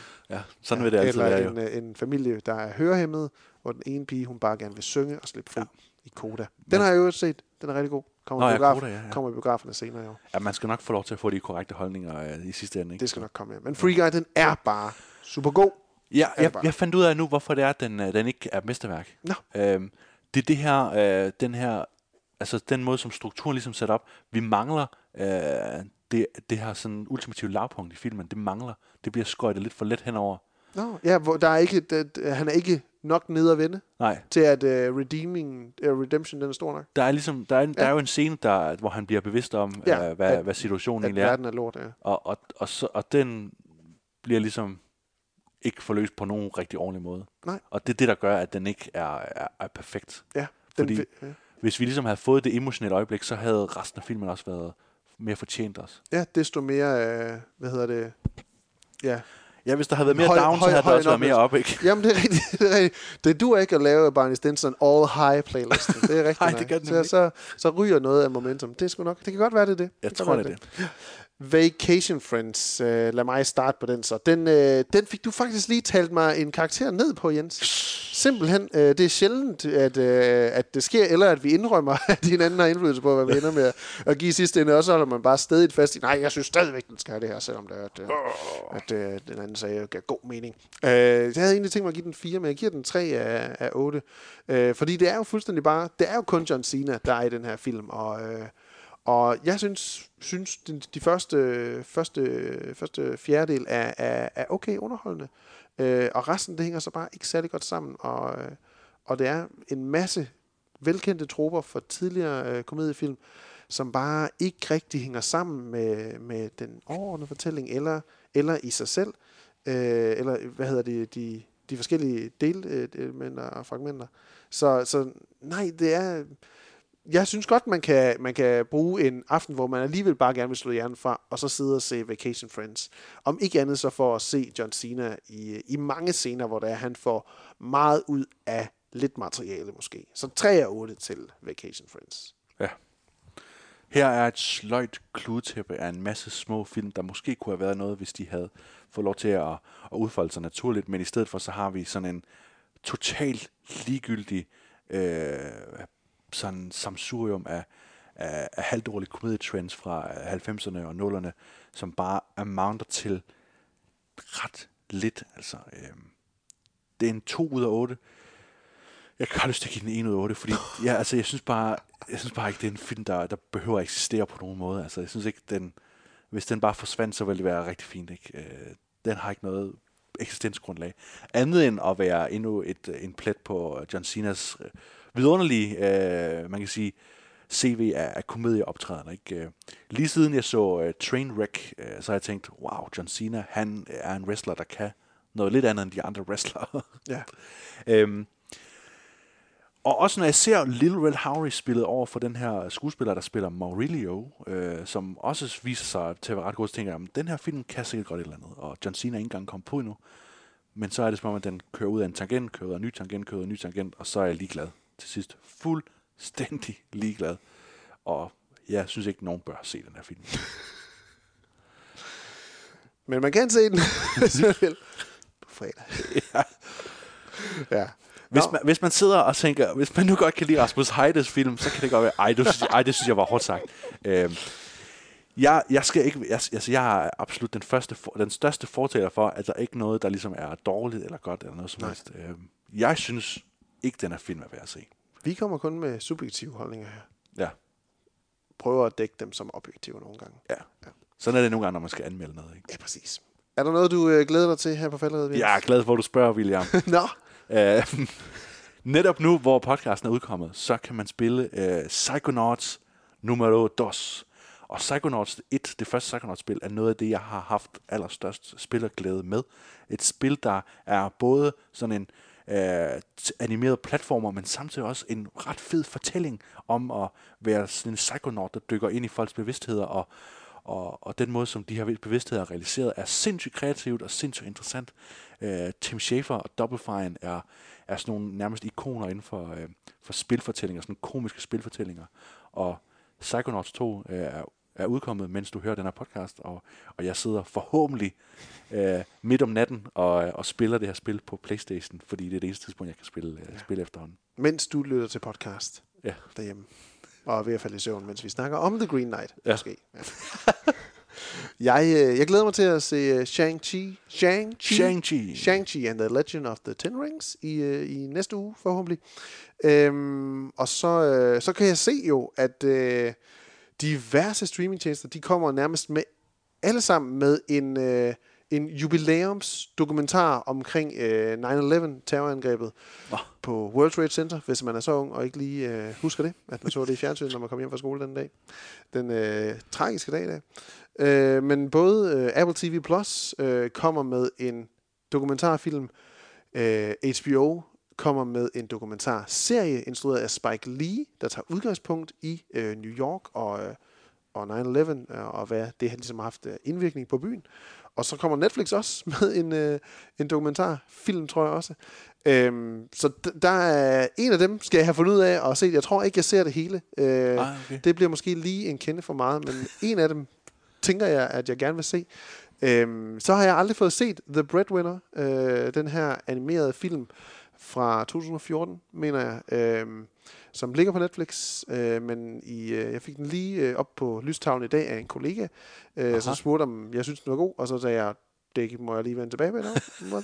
øh, og tænkte sådan, den er relevant at se, fordi den omhandler en, øh, en ung pige, øh, der lever i Afghanistan under Taliban-styre, og øh, om hvordan den her unge pige oplever det, øh, og skulle stadigvæk have, jeg sagde til min kæreste, jeg sagde til Martin, skulle vi ikke prøve at se den?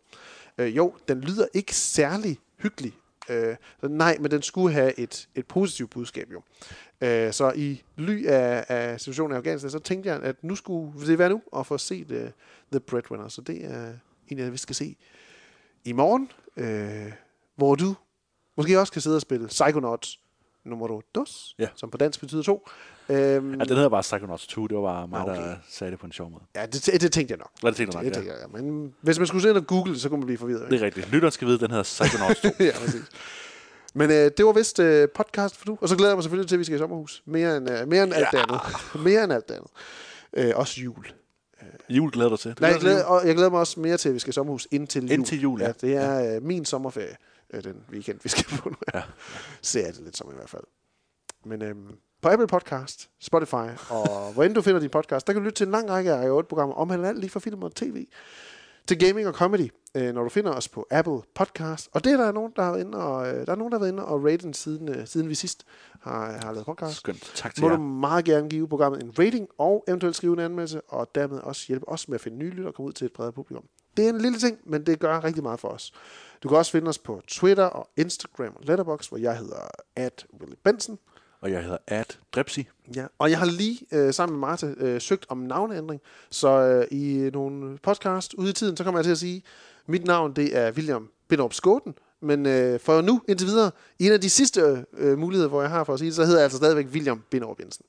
Okay, hvad, skal du, hvad hedder du så på uh, Instagram og sådan noget, når det er? Øh, jamen, det uh ja, Willy Bensen. Willy Båden? Willy Sensen.